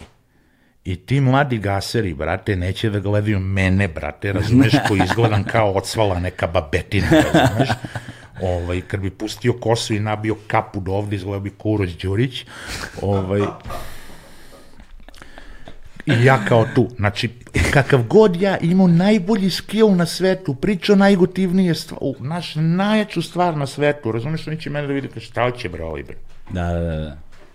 Razumeš, tako da nema potrebe. Ali Brate, imaš- ja, sam, ja sam to što jesam i uh, mogu da upgradeujem to i treba upgradeovati to. Uh, to je, naš, to je problem, evo još jedan, još jedan od razloga, razumeš, ovaj, zbog čega mislim da, naš, nećemo raditi bad copy, razumeš, zato što uh, smo i, ono, muzički, razumeš, znači, uh, mislim da se više ne kapiramo, razumeš, gde to treba da ide. A ne može da ostane isto, glupo je da ostane isto. Da, da. Znaš, e, ne, ne treba sad da ode, razumeš, kad kažem, ono, ne treba sad da to ode u 700.000 da bude, znaš, treba da napreduje malo. Treba da ima neku evoluciju. nešto da se dogodi sa tim. Da. kako se zove, ovaj, i to je to, razumeš, i ti ako slušaš prti, e, ima tu jako sitnih kompromisa, razumeš? Jako, jako sitnih, e, koje je ne ono, znači, koji su nebitni. Razumeš, muzika nije, naš, nije toliko više tvrdo, razumeš, i to je, naš, to je zato što je Eufrat krenuo drugačije da se tripuje, slušaju drugačiju muziku, e, kako, na, naš, Desila se evolucija. da, neka, to je to, razumeš, i Ali s druge strane, na primjer, kad govorimo, da, razumem to u potpunosti sada, ali ima, ima taj fenomen, ne znam da li si čuo ove u Velikoj Britaniji, beat and ba ba bass. Ono dva motor... Da, dva motorca. Da, to je, to je, su, to je super tripovanje. Da, da, da, razumeš? da, da. Znaš, ono, oni su matorci, brate, i to je cool. Znaš, bilo bi cool i ovde da neko od, brate, 70 godina. Mm. Ali razumeš, ja koji, ok, mislim, ja, ja sam, ono, mat, mislim, nisam mator, hvala Bogu, Da. ovaj, ali, ok, nemam, znaš, nemam 20-25 godina, razumeš, da, da, brate, razumeš sada, ja tu nešto podilazim, brate, Ne treba nikad ni podilaziti. Ja sam uvek, ja sam uvek u fazonu i to stalno... U, naš, e, nisam, nisam dovoljno mator da bi bio gotivna sprdnja, a nisam dovoljno mlad da bi me shvatili ozbiljno kada bi radio tako neku Da. muziku. Ma da, ali opet s druge strane ja stalno ponavljam kao ne treba ljudima davati ono što žele nego ono što im treba i to je ono gde se autorska muzika i autorski izraz razlikuje od onoga što je kao poslovni model generičko za proizvodnju love. Znaš, ni, te dve stvari ne idu nužno jedna s drugom. Tako da ako napraviš nešto što je tvoj umetnički i ono autorski izraz i ako od toga zaradiš pare do jaja, znaš, ali sad jebi ga, znaš, to nije nikakva garancija da će tako nešto da se desi. Da, u suštini, je- u suštini je to fora, razumeš se. Mi bad copy kad smo radili, apsolutno, n- nismo imali pojma šta hoćemo. Da. Znaš, ni, nismo imali fazon, e, ovo zvuči ovako, ajde, nego bukvalno smo spontano krenuli da radimo ono, znači taj prvi album koji smo snimili na skrcu, sve sami headovi. Debra, prva stvar je koja je nastala je bila Sarma spremna, ja sam u kompu imao, brate, Watch Your Fantasy od Ludakrisa i nešto sam to, to sam samplao, razumeš, i onda je Vikler tu nešto još do i kao, eto, to nam je bit. Da. Kretenizam. Te kasnije smo krenuli ka, ali nismo imali pojma, neko uradi, e, super je ovo, ajde, e, super je ovo, ajde. Da, da. Da. Znaš, znači nismo imali nikaka, nikakvu ideju kakav zvuk hoćemo, šta, kako, ovo, Brate, ono, znači ti kažem. izašlo, izašlo iz nas, brate, to tako spontano. Mora ti kažem, brate, i to, ja to stalno ponavljam, meni je možda najbolji punchline ono u hip-hopu svih vremena, brate, tvoji Lemili Voskodi, brate. To mi je ono, Lemili Voskodi, smoka cigareta, Đanljuka Paljuka, To je gotivan gimik, krivo mi je što se nisam nazvao tako kao DJ, kao, pogotovo što sad dosta puštam te disco muzike ovaj, i toga, znaš, kao, Da. a postoji lik koji se zove Mile Voli Disco i pravi neke žurke u KC gradu i sad, znaš, ono, glupo mi. Da, da, da, da, da, da. Glupo mi je da, da uzmem ono što sam... Ali u tom KC gradu stoji onaj stub na sredini, brate. Tu, ko- brate, pe, peticija da se sruši stub KC gradu, brate, koji je noseći. na, na pet metara ispred bine, brate, znaš, to. Ovaj, a, tako da, o, um, šta sam teo da kažem za, za, za, za, za tu muziku, a, problem, sam, to sam primetio ako u hip-hopu, jeste što kad ga posmatraš kao socijal, socijalni fenomen, kad ga posmatraš kao društveni fenomen, kad ga posmatraš kao kulturni fenomen, nekako hip-hop je uvek nosio sa sobom tu stigmu, ajde neću kažem stigmu, ali kao taj, tu auru mladalačke muzike, znaš, nekako su, e, nekako je hip-hop uvek bila muzika, znaš, Pa jeste. Pa jeste, znaš, kao zato što i mi smo bili klinci kada je to počinjalo i Da. nekako uvek se ukače tu te neke mlađe generacije i sad, da li stoji ta, kao sad ne znam, predrasuda ili ona srušena da su MC-evi zapravo ono klinci, znaš, kao da, da, da kao, znaš, nije hip-hop za nekoga od, ne znam, 50 godina, razumeš? Pa, možda nije da počne sa 50 Pa, godina, da, da, da, da. razumeš, jer, ono, Ali ima otko te znam. vrste stigme, kao repuješ, znaš, a imaš, ne znam. Pa pazi, uh, čekaj, brate. Uh, jako je, pazi, jako je teško, razumeš. Mm. Uh, u stvari, mnogo je lakše kad imaš 20-25 godina. Ideš po klubovima, muvaš ribe. Mm. Da. Uh, sve ti se dešava u životu. Mnogo je lakše da to izneseš, brate, na papir. Uh, ljudi to hoće da slušaju. Da, da, da. Znaš, kao, evo Vojko je uradio on umoran. Da, da, da. To je meni super jer ja imam klinca. Da, da, To je da. tebi super Da, jer da, da. klinca. To je vrhunska Ljudima koji ne, znaš, ko, ko što je naš, ono, tebi je, tebi, znaš, je tvoj klinac, ali to je tvoj klinac, brate. Ostalima je neki klinac. Da, da, da. Znaš, tako da, ono, I sad razumeš neko ko Vojkova, ima, ume- brate, izvini, Vojkova pesma Umoran je remek delo i taj spot je do jaja. Da. Ok, i sad razumeš, neko ko ima, brate, 40 godina, razumeš, i kao ne ide nigde, ne izlazi, oženjen je, i, znaš, i sad, brate, razumeš, treba tu da repuješ ti nešto, i kao, ako ti repuješ, brate, o tome što, što se tebi, znaš, ono, kao, tever, koga to zanima, bre? Da, da, bio je onaj lik, Znaš, zato, zato, zato, i jest, zato i treba da bude mladalačka, razumeš, i ok, znaš, to je to. Ovaj, bio onaj lik kanadjanin koji ima to neko francusko prezime koje nikad nisam umeo da... John LaJoy, Tako je, La Jolie ili La Jolie. A, La Jolie. Ne, nemam pojma, ne, znači, nikad nisam umeo da izgovori njegovo prezime, neću se ni praviti duvan koji je imao to. Your everyday, everyday average guy, brate. Tako ne? everyday normal guy. Everyday normal guy, to, on je repao o tim temama, ali on isto bio gimmick. Da, ali to je okej, to kad izbanalizuješ je cool. Da, da, da. Razumeš? N- U tom konceptu parodije, da. Da, da. Kao i ova dvojica, brate, matoraca koji rade taj drill grime, razumeš, Da, da. britanci. A brate, dobri su njih dvojica. Jesu, brate. Dobri su, ja sve vreme ne mogu... Slušaj, brate, oni imaju prevrhunsku produkciju, Mm. cela britanska scena, ta gra naš. I meni je to mnogo, brate, gotivnije, brate, od trepa. Jeste. Pritom, svi, naš rep, mislim, imaš i tu te šminkice sad, razumeš, ovaj, dosta su oni, brate, naravno da mora da postoji neki uticaj Amerike, ali su još uvek ono svoji, brate, imaju taj svoj fazon i svi repuju, brate, naš, ono, Skepta, Stormzy, uh, Raskal od tih poznatijih, sad, svi, svi, brate, Ras, svi, svi kidaju, brate.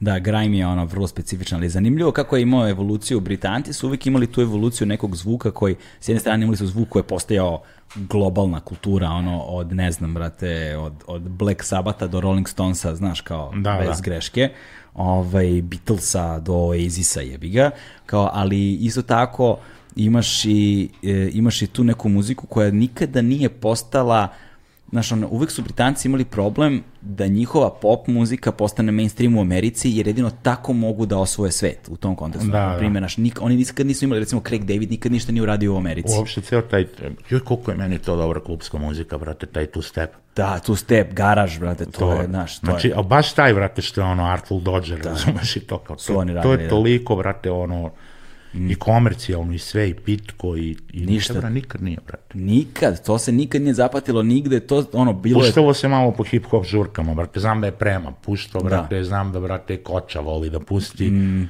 ok, Koča, naravno, neke nove momente toga, ovaj, ja isto volim, brate, obožavam, brate, Mm. i nikad se, nikad nije uspeo, nažalost. Pa da, i, i sad je posmatrao sam tu evoluciju tog two step UK garaža koji je došao zapravo u nekom trenutku do, do grajma i do, ne znam, ono, znači ja se nisam sigurno da li grime došao iz hip-hopa ili došao iz te priče ili neke kombinacije Ne, svega mislim toga. da je, brate, sve to iz nekog garaža, brate. Iz garaža, to, da, da, tako, da, i, i sad kao, i Mislim, sad, otkud znam, brate. I sad taj grime isto nije se zapatio globalno na taj način. Znači, Nije, ne, nije. nema šanse. Znači. I recimo, znam da je Skepta imao američku turneju, I, ali je to bila turneja po klubovima, malim mestima, nije imao ono ko što, ne znam, Amerika dođe u Evropu, to su stadioni, brate. Da, znaš, da. To su sad već stadioni, ogromne headline, headline na Ima festivalima. turneju kao što 90s reperi imaju po Evropi. Pa znaš, da, da, e, tako neku turneju imao po Americi i kao to je bio breakthrough, on je trebalo da bude taj koji će kao da probije grime na globalnu scenu. Znaš. A vidiš, brate, naš, ono, recimo, uh, gostovo je, brate, kod Esa Prokija, uh, e,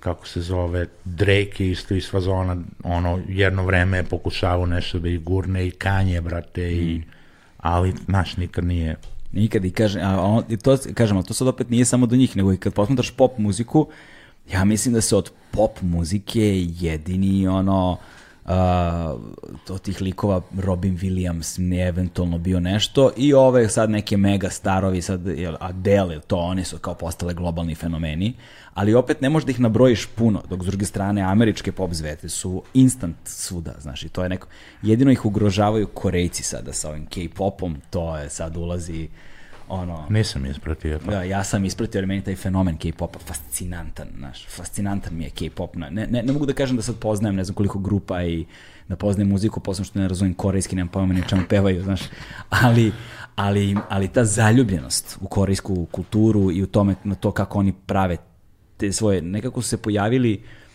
a, pojavili, se sećaš kroz, od kraja 80-ih, pa cele 90-te i početak 2000-ih, boy bandovi i girl bandovi su bili ono Da, da. big thing, kao bile su baš kao big deal su bile, evo te, znaš, kao i onda su te, te grupe su rodile posle solo artiste koji su bili veliki, ono Destiny's Child su rodile Beyoncé, ne znam, NSYNC su rodili Justina Timberlake i to. Kao Je i, iz Backstreet Boysa neko uspeo, nije? ne, brate, oni su se, ne, bio je onaj jedan, brate, ali se nešto prolupao od droge ili ne znam šta je bilo, znaš, Nick ili tako nešto, nemam pojma. Pazi, od boys bandova, iz boy bendova koliko muzičara je zapravo, da, ti, da, da mi znamo, izašlo iz boy benda i da, je bilo shvać, da su bili shvaćeni kao ozbiljni muzičari potom u karijeri. Ja mogu ti nabrojim tri, ako ne računaš Michael Jacksona tri. Pošto Jackson je došli Jackson's 5 i on je kao, eto, ali nekako on mi on, ono, van kategorije mi je Michael Jackson. Dobro, da, okej, Justin. Justin Timberlake iz NSYNC-a, to je poslednji, pre toga Robin Williams je Robin, bio, jel su oni, te vara, oni, je, on je bio, ne, Ne znam, brate, ja tripujem da je to Take That. Take That, Tripujem da, da. su oni tad imali po 40 godina. da, Robin Williams i George Michael je bio u Whamu. da, jest. U grupi Wham. Ali Dobro, Wham je, čekaj, to su njih dvojica, to je, to je duo. Da. Kao, ali to je kao, eto, bila da kažeš kao boy grup, razumeš? Čak ni, ne znam, ono, ni Dave Gunn iz Depeša kad je krenuo solo karijeru, nije mu to nešto Dobro, to prošlo. nisu boy Ali to nije boy band, opet da kažem, čak i ni sa, iz, ni sa ozbiljnom grupom kao ti solo izleti nisu tako izgledali. Znaš, sa pop, kulturnim, Pa kao ko iz ozbiljne grupe, brate, ima solo izgled, brate? iz ozbiljne grupe. Da. Hmm. Bruce Dickinson iz Iron Maidena. Ne. I- Ne. ne, ne, ne, ne. ne. O, brate, ono... Ne, znaš kao, ne, ne, evo, ne mogu, brate. Gal iz, Burz, iz, uh, Gor, iz Burzuma. ovaj, a, da je to bilo, znaš šta je isto? Ne mogu se setim sad da je iko imao jebote, ali na primer a, da su imali solo karijere dobre, a, ali recimo da su, isto su super grupe vrlo često bile sranje, Uglavnom. uglavnom su bile sranje, mada je bilo dobrih primjera, Velvet Revolver su bili do jaja, Audio Slave dok su postojali su bili Da, do okej, jaja, da. Ali kao, Pa dobro, problem je sa ogromnim očekivanjem. pa da, Sećaš onog nekog na VH1 je bio show gde Sebastian Bach, Scott Ian i ne znam, ono metal glave kao prave super grupu. Ja, e, to se desilo skoro, bilo, kako se zove ta grupa, postoje, mislim i dalje. A, tu su a, Da nije basi- Savage Animal. ne, ne, basista, basista i pevač Mastodona, a, da li Cavalera tu, Max Cavalera, a, pevač Dillinger Escape Plana, Greg, ovaj, tu se kao neka ono, grupa se napravila. I to je zvučalo nešto generički generički okej, kao, naš, nije bilo sranje, bilo je okej, ali ništa više od toga.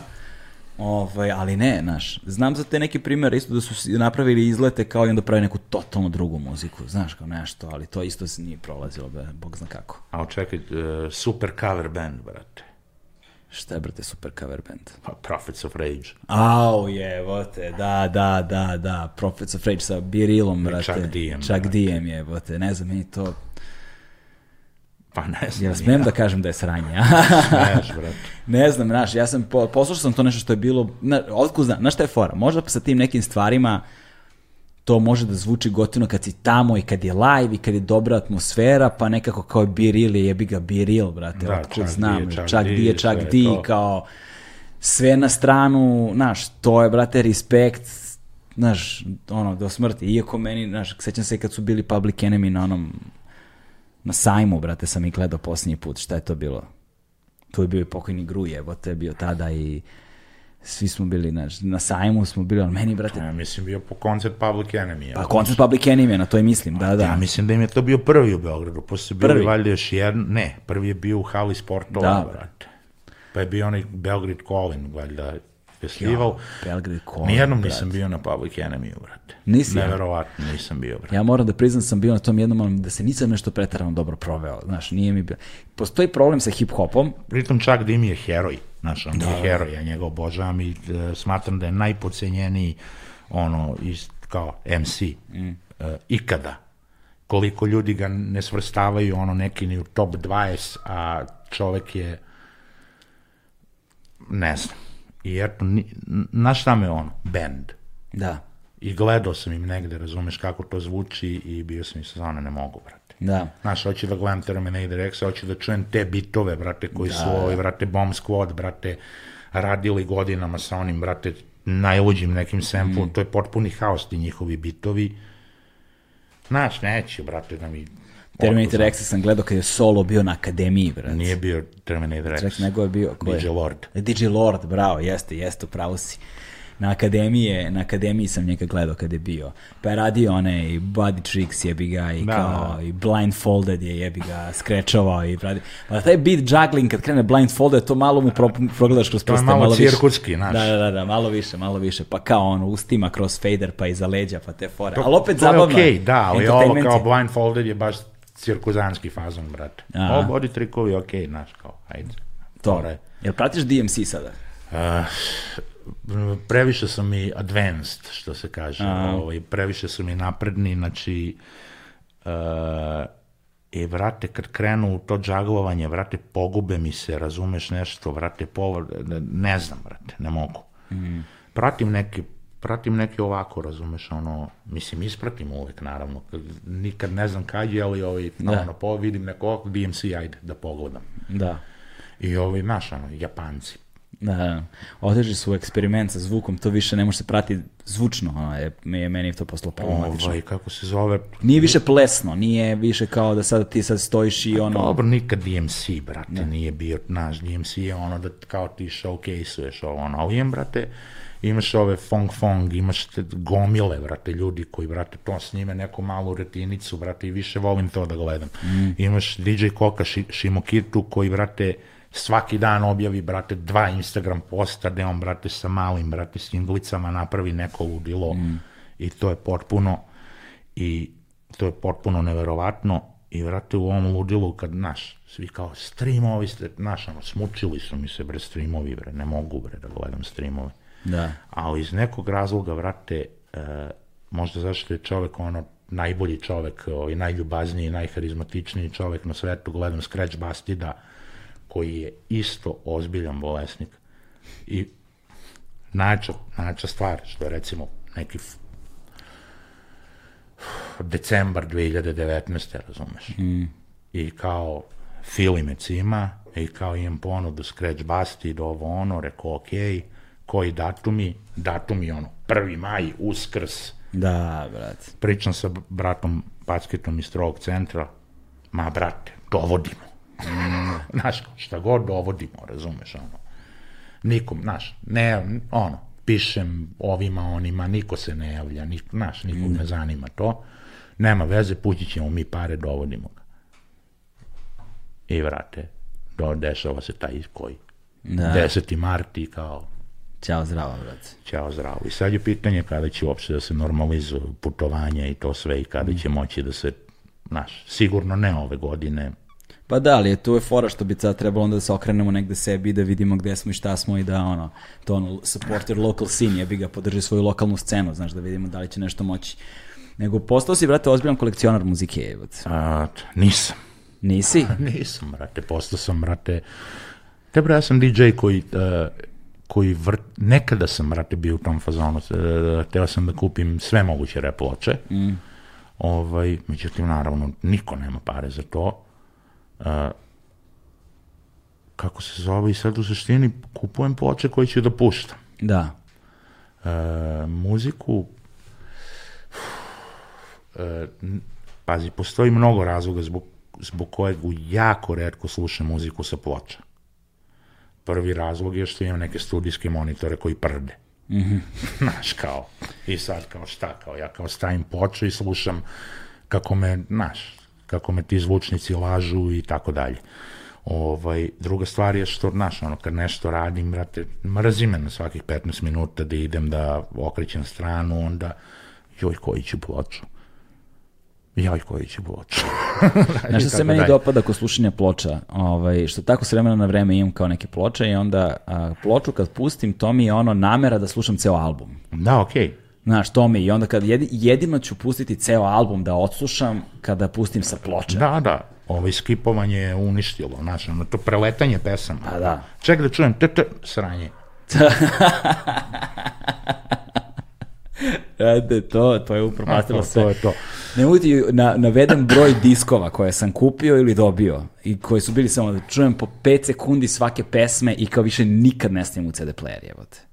Znaš, koliko mi se to puta desilo. taj trip. Ovaj, kako se zove, i onda kupujem, brate, ovaj, ploče koje, koje puštam. Ovaj, I mogu ti reći da, ne, naš, uh, skupljam ploče davno, davno, ali nikad nisam, ne, naš, uvijek sam bio sezona, brate, da ja će izlazim, ne znam ja da miksam, da ne znam, otkud znam, dođem na vinilijadu, brate, Znaš, tu svi nešto puštamo zajedno, koga boli uvo, ja pustim ploču i ide stvar do kraja. I bukvalno Iron dok je držao oni mali KGB kao, brate, kao imao je ono veče, idemo kod mene da slušamo ploče, da bukvalno ono, zo- zove tebe, ti doneseš svoje ploče i puštaš. Da. Znači nije bila fora da dolaze kao dolaze DJ-evi, ali kao ni, mogo je da dođe ko hoće, bio je vrate od malog žobuce Ćale, bio je ne znam ko je sve bio, razumeš, tu nebitno, i kao ajde dođi da puštaš, ajde i ja vrate, pakuj ploče, nosi, pritom ploče koje no, stoje gajbi, nisam ih ni pustio, ne znam koliko, znam da sam ponovno onu četkicu, pa sam ih brisao, presao. Tebra, ja tu skapiram, razumeš, da ja mogu pristojno da miksam. Mm. To ima sad već, evo sad će šest godina fazano tamo. Da. Ali taj osjećaj koji je meni bio tada i to sve, razumeš, i ne znam šta, vrate, ja, ja sam potpuno odlepio bio, vrate. Mm. I kao, zašto ja ovo nisam počeo ranije da radim? I, ovaj, eto, nikad nije kasno, Da. ovaj, krenuo sam da kupujem još ploča. I još ploča. I onda sam, brate, odlepio na singlice, na male ploče.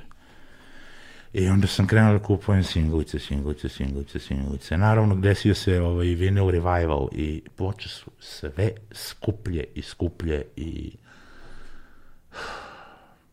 mislim da za par godina naš kao će biti sezona uh, ili će ovaj uh, da te plate ono Kako treba. razumeš, soma eura za gig, razumeš, ili, znaš, ne, neće više niko puštati sa ploča muziku, jer će biti potpuno neisplativo. Da, ali koliko vas pušta hip-hop, R&B, ceo taj soul funk, ono sa ploča danas, Iron i Ili puštaš neko? Ja uh, pušta, vrate, Mali Milko, White City Soul, vrate, Mhm. on pušta s gramofona i uh, članovi isto toga, ovaj, te ekipe su ovaj, uh, Funk Technique Group, oni puštaju isto Mhm. ploče, pušta Miloš Radoš, uh, pušta mali Captain Who Went to Lunch, Uroš, ovaj, on isto samo ploče i on baš pušta underground štinu od hip-hopa, znači, ono, iskreno, kao ja hoću to da puštam i to je to. razumeš? Ne zanima Ok, super, predivno. Ovaj, Respekt. I jednom godišnje, razumeš, ovaj, se desi vinilijada, da svi, ovaj, ne znam koliko Milić nosi svoje ploče, ovaj, ne znam, da. Space Walker, ovaj, njega recimo obožavam da slušam, ovaj, a, ko još, brate? Ume Pepe, brate, da zabiberi sa funkštinom i, A. i diskom, naš. S vremena na vreme. Gledao sam mu neki Instagram live stream skoro, brate. Da, on je u jednom trenutku, on je u jednom trenutku isto, ja mislim, svakog četvrtka kao bi sezona, ili ne, ili svako veče, svako veče, Ne mogu nešto se on bio u mogu se fazonu, u 8 uveče, pap vozi sat vremena dok te ne isključi Instagram zbog kopirajta. Aha, aha, aha, da, da, da. E, ali, brate, ko je bio, sećam se, ali, znaš, ono šta mi je ulilo nadu, bio je taj neki, uh, kao, kako se to zove, nije duet, ne, ne, nego, um, nije ni battle, nego su bili i Rza i premijer. A, Versus ovaj. A, da, Versus, da, da, da, su premijeri Rza beš, Da, da, tako, da, kako je pratilo, ne znam, na Instagram live-u, nešto, ono, 300.000 ljudi u live-u, kao sve vreme, tako nešto nenormalno. A, po, posljednje što znam da je bilo su bili i Redman i Method Man, ovaj, kao Versus. Versus. U suštini su imali koncerčinu, razumeš, da to, tu se desio i PMD reunion, da. izašli su Wu-Tang u nekom trenutku Mhm. na binu, znači, ovaj, i brate, ono, posljednji, posljednji ovaj, live footage DMX je otprilike njegov versus protiv Snoopa. Da, da, da, da, da. Ovaj, bilo je super moment, bilo je Earth, Wind and Fire uh, versus Isley Brothers. Da, jebot. Znači, Isley Brothers. super je koncept, samo je problem što što otprilike razumeš ono sad kako su svi po nekim gajbama ili ne znam šta, razumeš, pa ili šta god, znaš, kao, brati, svi nešto, neki playback se tu dešava, ne, zvuk je, brate, užasan, znaš, Ja. ono. I onda je malo negledljivo, razumeš, ovaj, a inače je super koncept. Da. Ovaj, tebi je zapravo od posljednjih šest godina u suštini ono, DJing primaran izvor prihoda. Ne, Ne? ne, brate, dobro, mi svakog leta, brate, evo, ovaj, do 2020. brate, ja ne znam da li sam vikend bio kući. Da, Bad copy, brate. bad copy, da, da. A. Da, to. Znači, naš, neverovatno je, brate, jedan album, brate, sedam godina. Da, jebi ga krigle kad su izašle su stvarno bile bomba, brate. To je ono, vi ste imali koliko 20 pesama na albumu, brate. Pa uvek mi gledamo da bude svih 80 minuta. Sva tri albuma Da. su nam, morali vidiš, smo znaš. da ih skraćujemo Da, i da nešto izbacimo. Ali meni je to, meni je to tako drago, naši drago mi ako sad izađe no, posljednji bad copy, on, novi bad copy, da ne kažemo posljednji bad copy, ovaj, nikad ne znamo šta će da bude sutra, ali, ali što će opet da bude album, znaš, nekako mi nedostaje da izlaze albumi, svi su se fokusirali na ono single, Pa- single, single, single, zato što im je to valjda kao sa poslovne strane. E, zato što, brate, e, ko, ko, ovaj, ko, ko će da posveti e, nečemu kao što je slušanje muzike, jedne muzičke celine e, 45-50 minuta. Sve se preleće, ovo što smo pričali. Da. Znači, čak će i formati pesama u nekoj budućnosti da se promene. Ja sećam kad sam bio klinac, ovaj, bili smo učlanjeni u neki CD klub Mortimer i e, uzeo sam, brate, e, Napalm Death Scum album. Da, I ovako gledam, razumeš, i trajanje pesama su minut, 50 sekundi. Uh, da, da, da, ispašće, ispašće da je to bilo jako ispred vremena. Da, da, da, da. Jer će, pesme će, razumeš, otprilike da traju koliko, koliko može da ti traje video na Instagramu ili, Da. eh, jer niko više nema, brate, strpljenja, niti bilo koga drži pažnja da nešto sluša 4-5 minuta, znaš, ono, kao neku, zamisli ono, neke ono metal ristve koje traju 8 minuta, da se dešava solo od 3 minuta na sred, brate. Ne, Znaš, metalci to- su kategorija za sebe. Dobro, znaš metalci metalci, su- su, metalci su kategorija za sebe, definitivno to ne. Ali e, sve, pazi, hip-hop se već, naš presi, brate, znao. Tri, pes, e, tri strofe je bio neki standard. Da. Sada nema, brate. D, dva, dve strofe, to je to. Da. Prosječna pesma sad traje, recimo, dva zarez nešto. I to to, se- će još da se krati, verovatno. Ali to se desilo između ostalog zbog streaminga. Zato što se pare zarađuju od streamovanja. Da. Što se više puta pesma streamuje u toku dana, to si više Eto, love vidiš. zaradio. Koliko, će, koliko puta u 24 sata možda streamuješ pesmu od 3 minuta, a koliko puta pesmu od 2 minuta? Što je kraća pesma, veći je broj streamova. Više puta može na repeat da ide, znaš. I onda se zaradi veća lova u suštini po playu. Ovaj, I tako je poslovni model promenio kulturni model, odnosno zato što se tako zarađuje lova, skratile su se pesme. Znaš, ti si radnije imao, ako se sećaš, koncept radio friendly song. Da, da. Tri minuta. Tri minuta, Tri minuta. Ako ti fale tri minuta, dodaš Pa ono loop na kraju. da. Znaš, radio edit, znaš, dodaš u loop na kraju, ono, ili ti ide, ili ti hook, odnosno ovaj refren ide na repeat u krug, ili dodaš još nekoga koji je poznato radijsko ime, ono, na radijskim radiostanicama, ono, Dejana Cukića zoveš da ti otpeva nešto, još jednu strofu, razumeš, ili tako nešto. Sad se zajevam, kao što su se zajebavali ovi, je to Vojko beže sa Tončijem Huljićem, je Da, da, i da. to, znaš, da bude radio friendly song, jer im je Tonči rekao mu fali vam, fali vam do tri minuta, pa su ga featureovali na pesmi, što je bilo fora dobro. Ali, ovaj, ali ti sad kada ukucaš, ne znam, Billboardov top 10 pesama na Google i pogledaš od 10 pesama koliko ih je ispod 3 minuta. Mislim da je značajan broj. Da, da. Znaš, tako da, ovaj, e sada, uh, Timbe solo album. Učim da hodam još uvek. ovaj, pa evo da, da objasnim ljudima ovaj, o čemu se radi. Radi se o tome što a, znači 3-4 godine e, nisam pisao, nisam repovao. Znaš, bad copy, ovo, ono, razumeš, to je došao i klinac, nisam imao vremena. Da. I ti sada, m, posle tolike pauze, ne moraš, mogu ja brati, da ti pa, pa, pa, pa, pa, idemo, Da. ali neću. Nije to to. ovaj, I bukvalno učim ponovo da hodam, e, ovaj, razumeš, pokušavam opet da shvatim kako sam ja to i repovo i sve, da uđem u svoj flow i sve mm. to, razumeš, i sad, znaš, ono, napisao sam, vrate, ja gomilu nekih tekstova, koji su, vrate, u tom trenutku bili onako dosta bez veze, ali vratit ću se na njih Da. u nekom trenutku i, znaš, E, i konačno sam došao do nekog nivoa da, vrate, da pišem ok, da sam zadovoljan, prilično, evo ovako, brate, roknuo sam recimo neka, neke tri strofe za, za album Sve same barabe na kome smo Ice Mikri, Eufrat, Vana i ja. Mm -hmm. Ovaj, to će konačno da izađe, to je trebalo da izađe fazom 2010. Ali eto, znači ne ono, i ne, nešto od toga je već i procurelo i šta ja znam, ovaj, kapiram da ima i ljudi, ali eto, imat ćemo sigurno 5-6 novih stvari, mm. da ne bude kao koje su ono 2019. 2020. Snimio sam nešto za to, pisao sam nešto, uh, izašao sam, ušao sam u drugu zonu komfora. Ovo što ljudi, izašao sam iz zona, promenio sam, brate, program u kojem radim, brate, muziku posle 20 godina.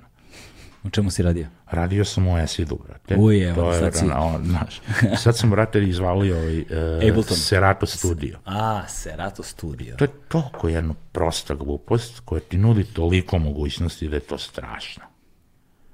Ovaj, I bukvalno me samo ispucalo sve, razumeš, radio sam tone nekih bitova, krećem da pišem lagano, e, naravno, brate, imaću i ljude s kojima, brate, ono, volim da radim i, ono, i neke ljude s kojima nisam radio, Da. a hteo bi da radim.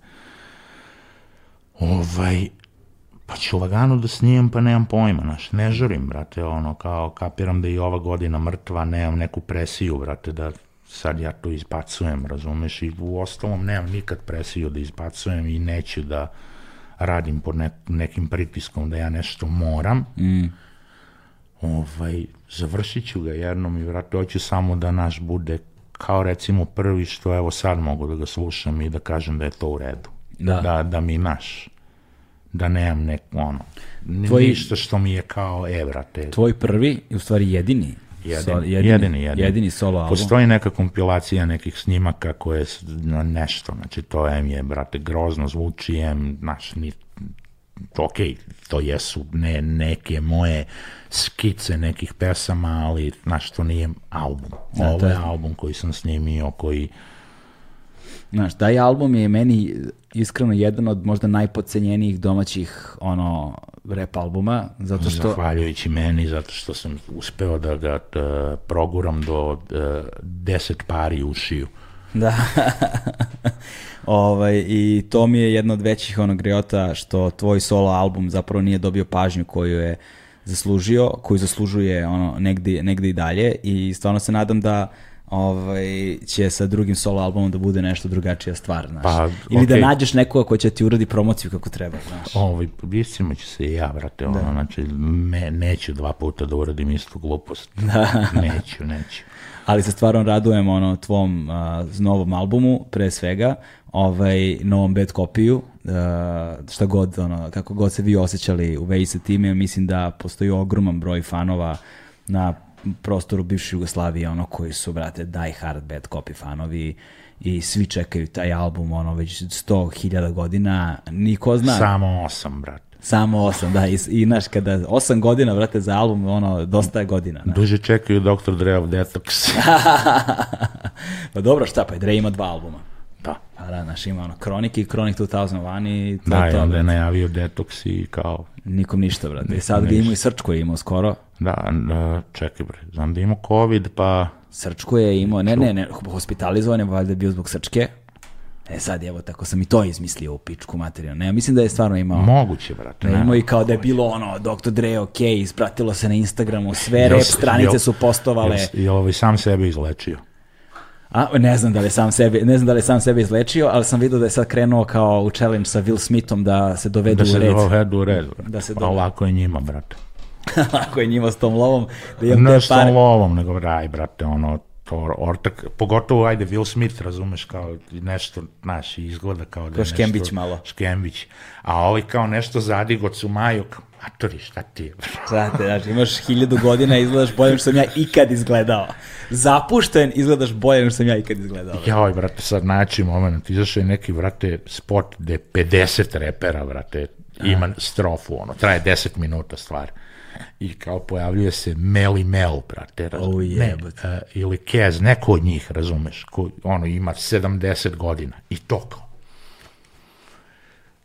I još se nešto namaza uljem, razumeš, brate, da, da, da, da. Znači, strašno, kao, ljudi, bre. To je, a znaš što je fora? To je sad popularno dosta, ovaj, e, ne znam s kime sam razgovarao, um, da je produžio se značajno životni vek ljudi ono posljednjih ne znam koliko godina, znaš. I ono što su nama, kad smo mi bili klinci, bili babe i dede, to su danas praktično sredovečni ljudi, znaš, kao... Skoro sam, brate, razmišljao o tome ovaj, da kada je moja majka, brate, imala problema zato što se ja družim sa ovaj, nekim ortakom, razumeš, i to ovaj, kada sam ja pravio najveća sranja Da. kao klinac koji je sedmi razred i ovaj, koji je užasno problematičan i ne znam šta, moja majka je imala godina koja ja sada.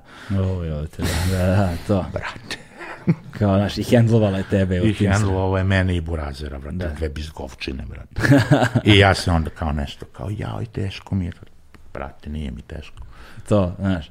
I sad, znaš, produžio se strašno životni vek ljudi, s jedne strane, i ne znam s kime sam razgovarao i, i bila je poenta jedna, kaže, ono što će biti problem uh, sa razvojem tehnologije i medicine u smeru kojem ide danas, jeste što ćemo morati nekako da rešavamo problem motivacije ljudi. Jer kao biološki smo pravili da se i motivisani da funkcionišemo na određenim parametrima, određenim životnim fazama, da ostvarujemo određene stvari, ali ako život bude trajao previše dugo, ljudi će imati problem kako da nastave da žive. Znaš, I naravno da je ono kao između ostalog ta tehnologija koja nam je omogućila dostupnosti, mogućnost izbora, da je sve danas tako na, na dohvat ruke, na klik daleko. S jedne strane, kasnimo sa sazrevanjem, imamo tu poznu adolescenciju, jer kao, znaš, prosto imaš opcije da probaš svega toliko, ono, sa low costom i Airbnb-em si za 100 evra bilo kojem kraju sveta, praktično. Zašto bih ja posle srednje škole posao, znaš, i to, kao ženitba deca i šta ti ja znam. To se sad dešava sa 36, 7, 8, 9, s jedne strane. A s druge strane, ovaj, kao prolongira se kao sazrevanje, ali isto tako ovaj, kao dužina života, ono, ljudi se treba da pronađu način kako da se zabave, kako da se ono, i ovaj i tu od odšuvanja zdravlja međutim ono ono vremešnijim eh, bogatijim i mućnijim razumiješ ljudima koji posebno iz industrije zabave koji su dolazili i u Americi pre svega vidim ih masovno ono dede brate od 70 godina svi su nabuđeni i sečeni s mišićima furaju taj ono eh, eh, zamenu testosterona imaju te neke terapije zamene testosterona gruvaju se steroidima pogledajte kako izgledaju Schwarzenegger i, i Stallone ono Stallone ja sam gledao skoro, kao snimio Ramba, ne znam koji deo, u razeru jebote lik, ono, znaš, ima one venčuge preko bicepsa, gledam ga, imaš 75 godina jebote, znaš, kao, ko zna koliko će, pa nas živeće tebe i mene u pičku materinu, znaš. Moguće. Da, mogu. Mene moguće, brate. Tako da, ovaj, šta znam, znaš, možda za drugi solo album Timbe bude Shredded, brate. A, Znaš koliko tu treba odricanja? Piva za početak, ono. ovaj, da. Ovaj, ne, ali kao od zdravih aktivnosti jedino ponekad vozim bajs i kao to je to i volim da vozim bajs, da. ovaj, samo što je vožnja bicikla po Beogradu, brate, A to je besmislena stvar, ono. ono, sa, polu samoubistvo, tako da, znaš, kao, Između ostalog, brate. No dobro, brate, ovaj, bicikla, ne bicikla, ovaj, još jednom, Znate, jedva čekam tvoj solo album, uh, nadam se da će Bad hvala, Copy brate, novi... nadam se, nadam se da neće razočarati. Ovaj, A nećeš, brate, nisi ti nikada razočarao, brate, znaš, kako god ti posmatrao sebe, ono, jedna si od redkih glava koja je, ono, true od početka do kraja bio uvek i koji ima dobru reputaciju među svim generacijama, bez obzira na što dakle god da dolaze I, Hvala. ovaj, i znaš, to je bile, to, te tvoje neke osobine su bile stvari koje, zbog kojih sam te ja između oslog uvek gotivio i, ovaj, i tu stojiš kao refer, referentna tačka ono, naš, i dobrog ukusa i kao onoga što je esencija hip-hopa na ovim prostorima. Takav si bio i takav ćeš uvek biti, što se mene tiče, brate. Ovaj, hvala ti puno, Kućo, što si došao. Hvala tebi, brate. Uh, hvala ti puno na svim informacijama koje si podelio i to je to, brate. Sve najbolje u predstojećoj ovoj sezoni post-covid, nadam se, brate. Hvala, hvala takođe, brate. To je to, brate. Stili smo do kraja. Ćao. Ćao.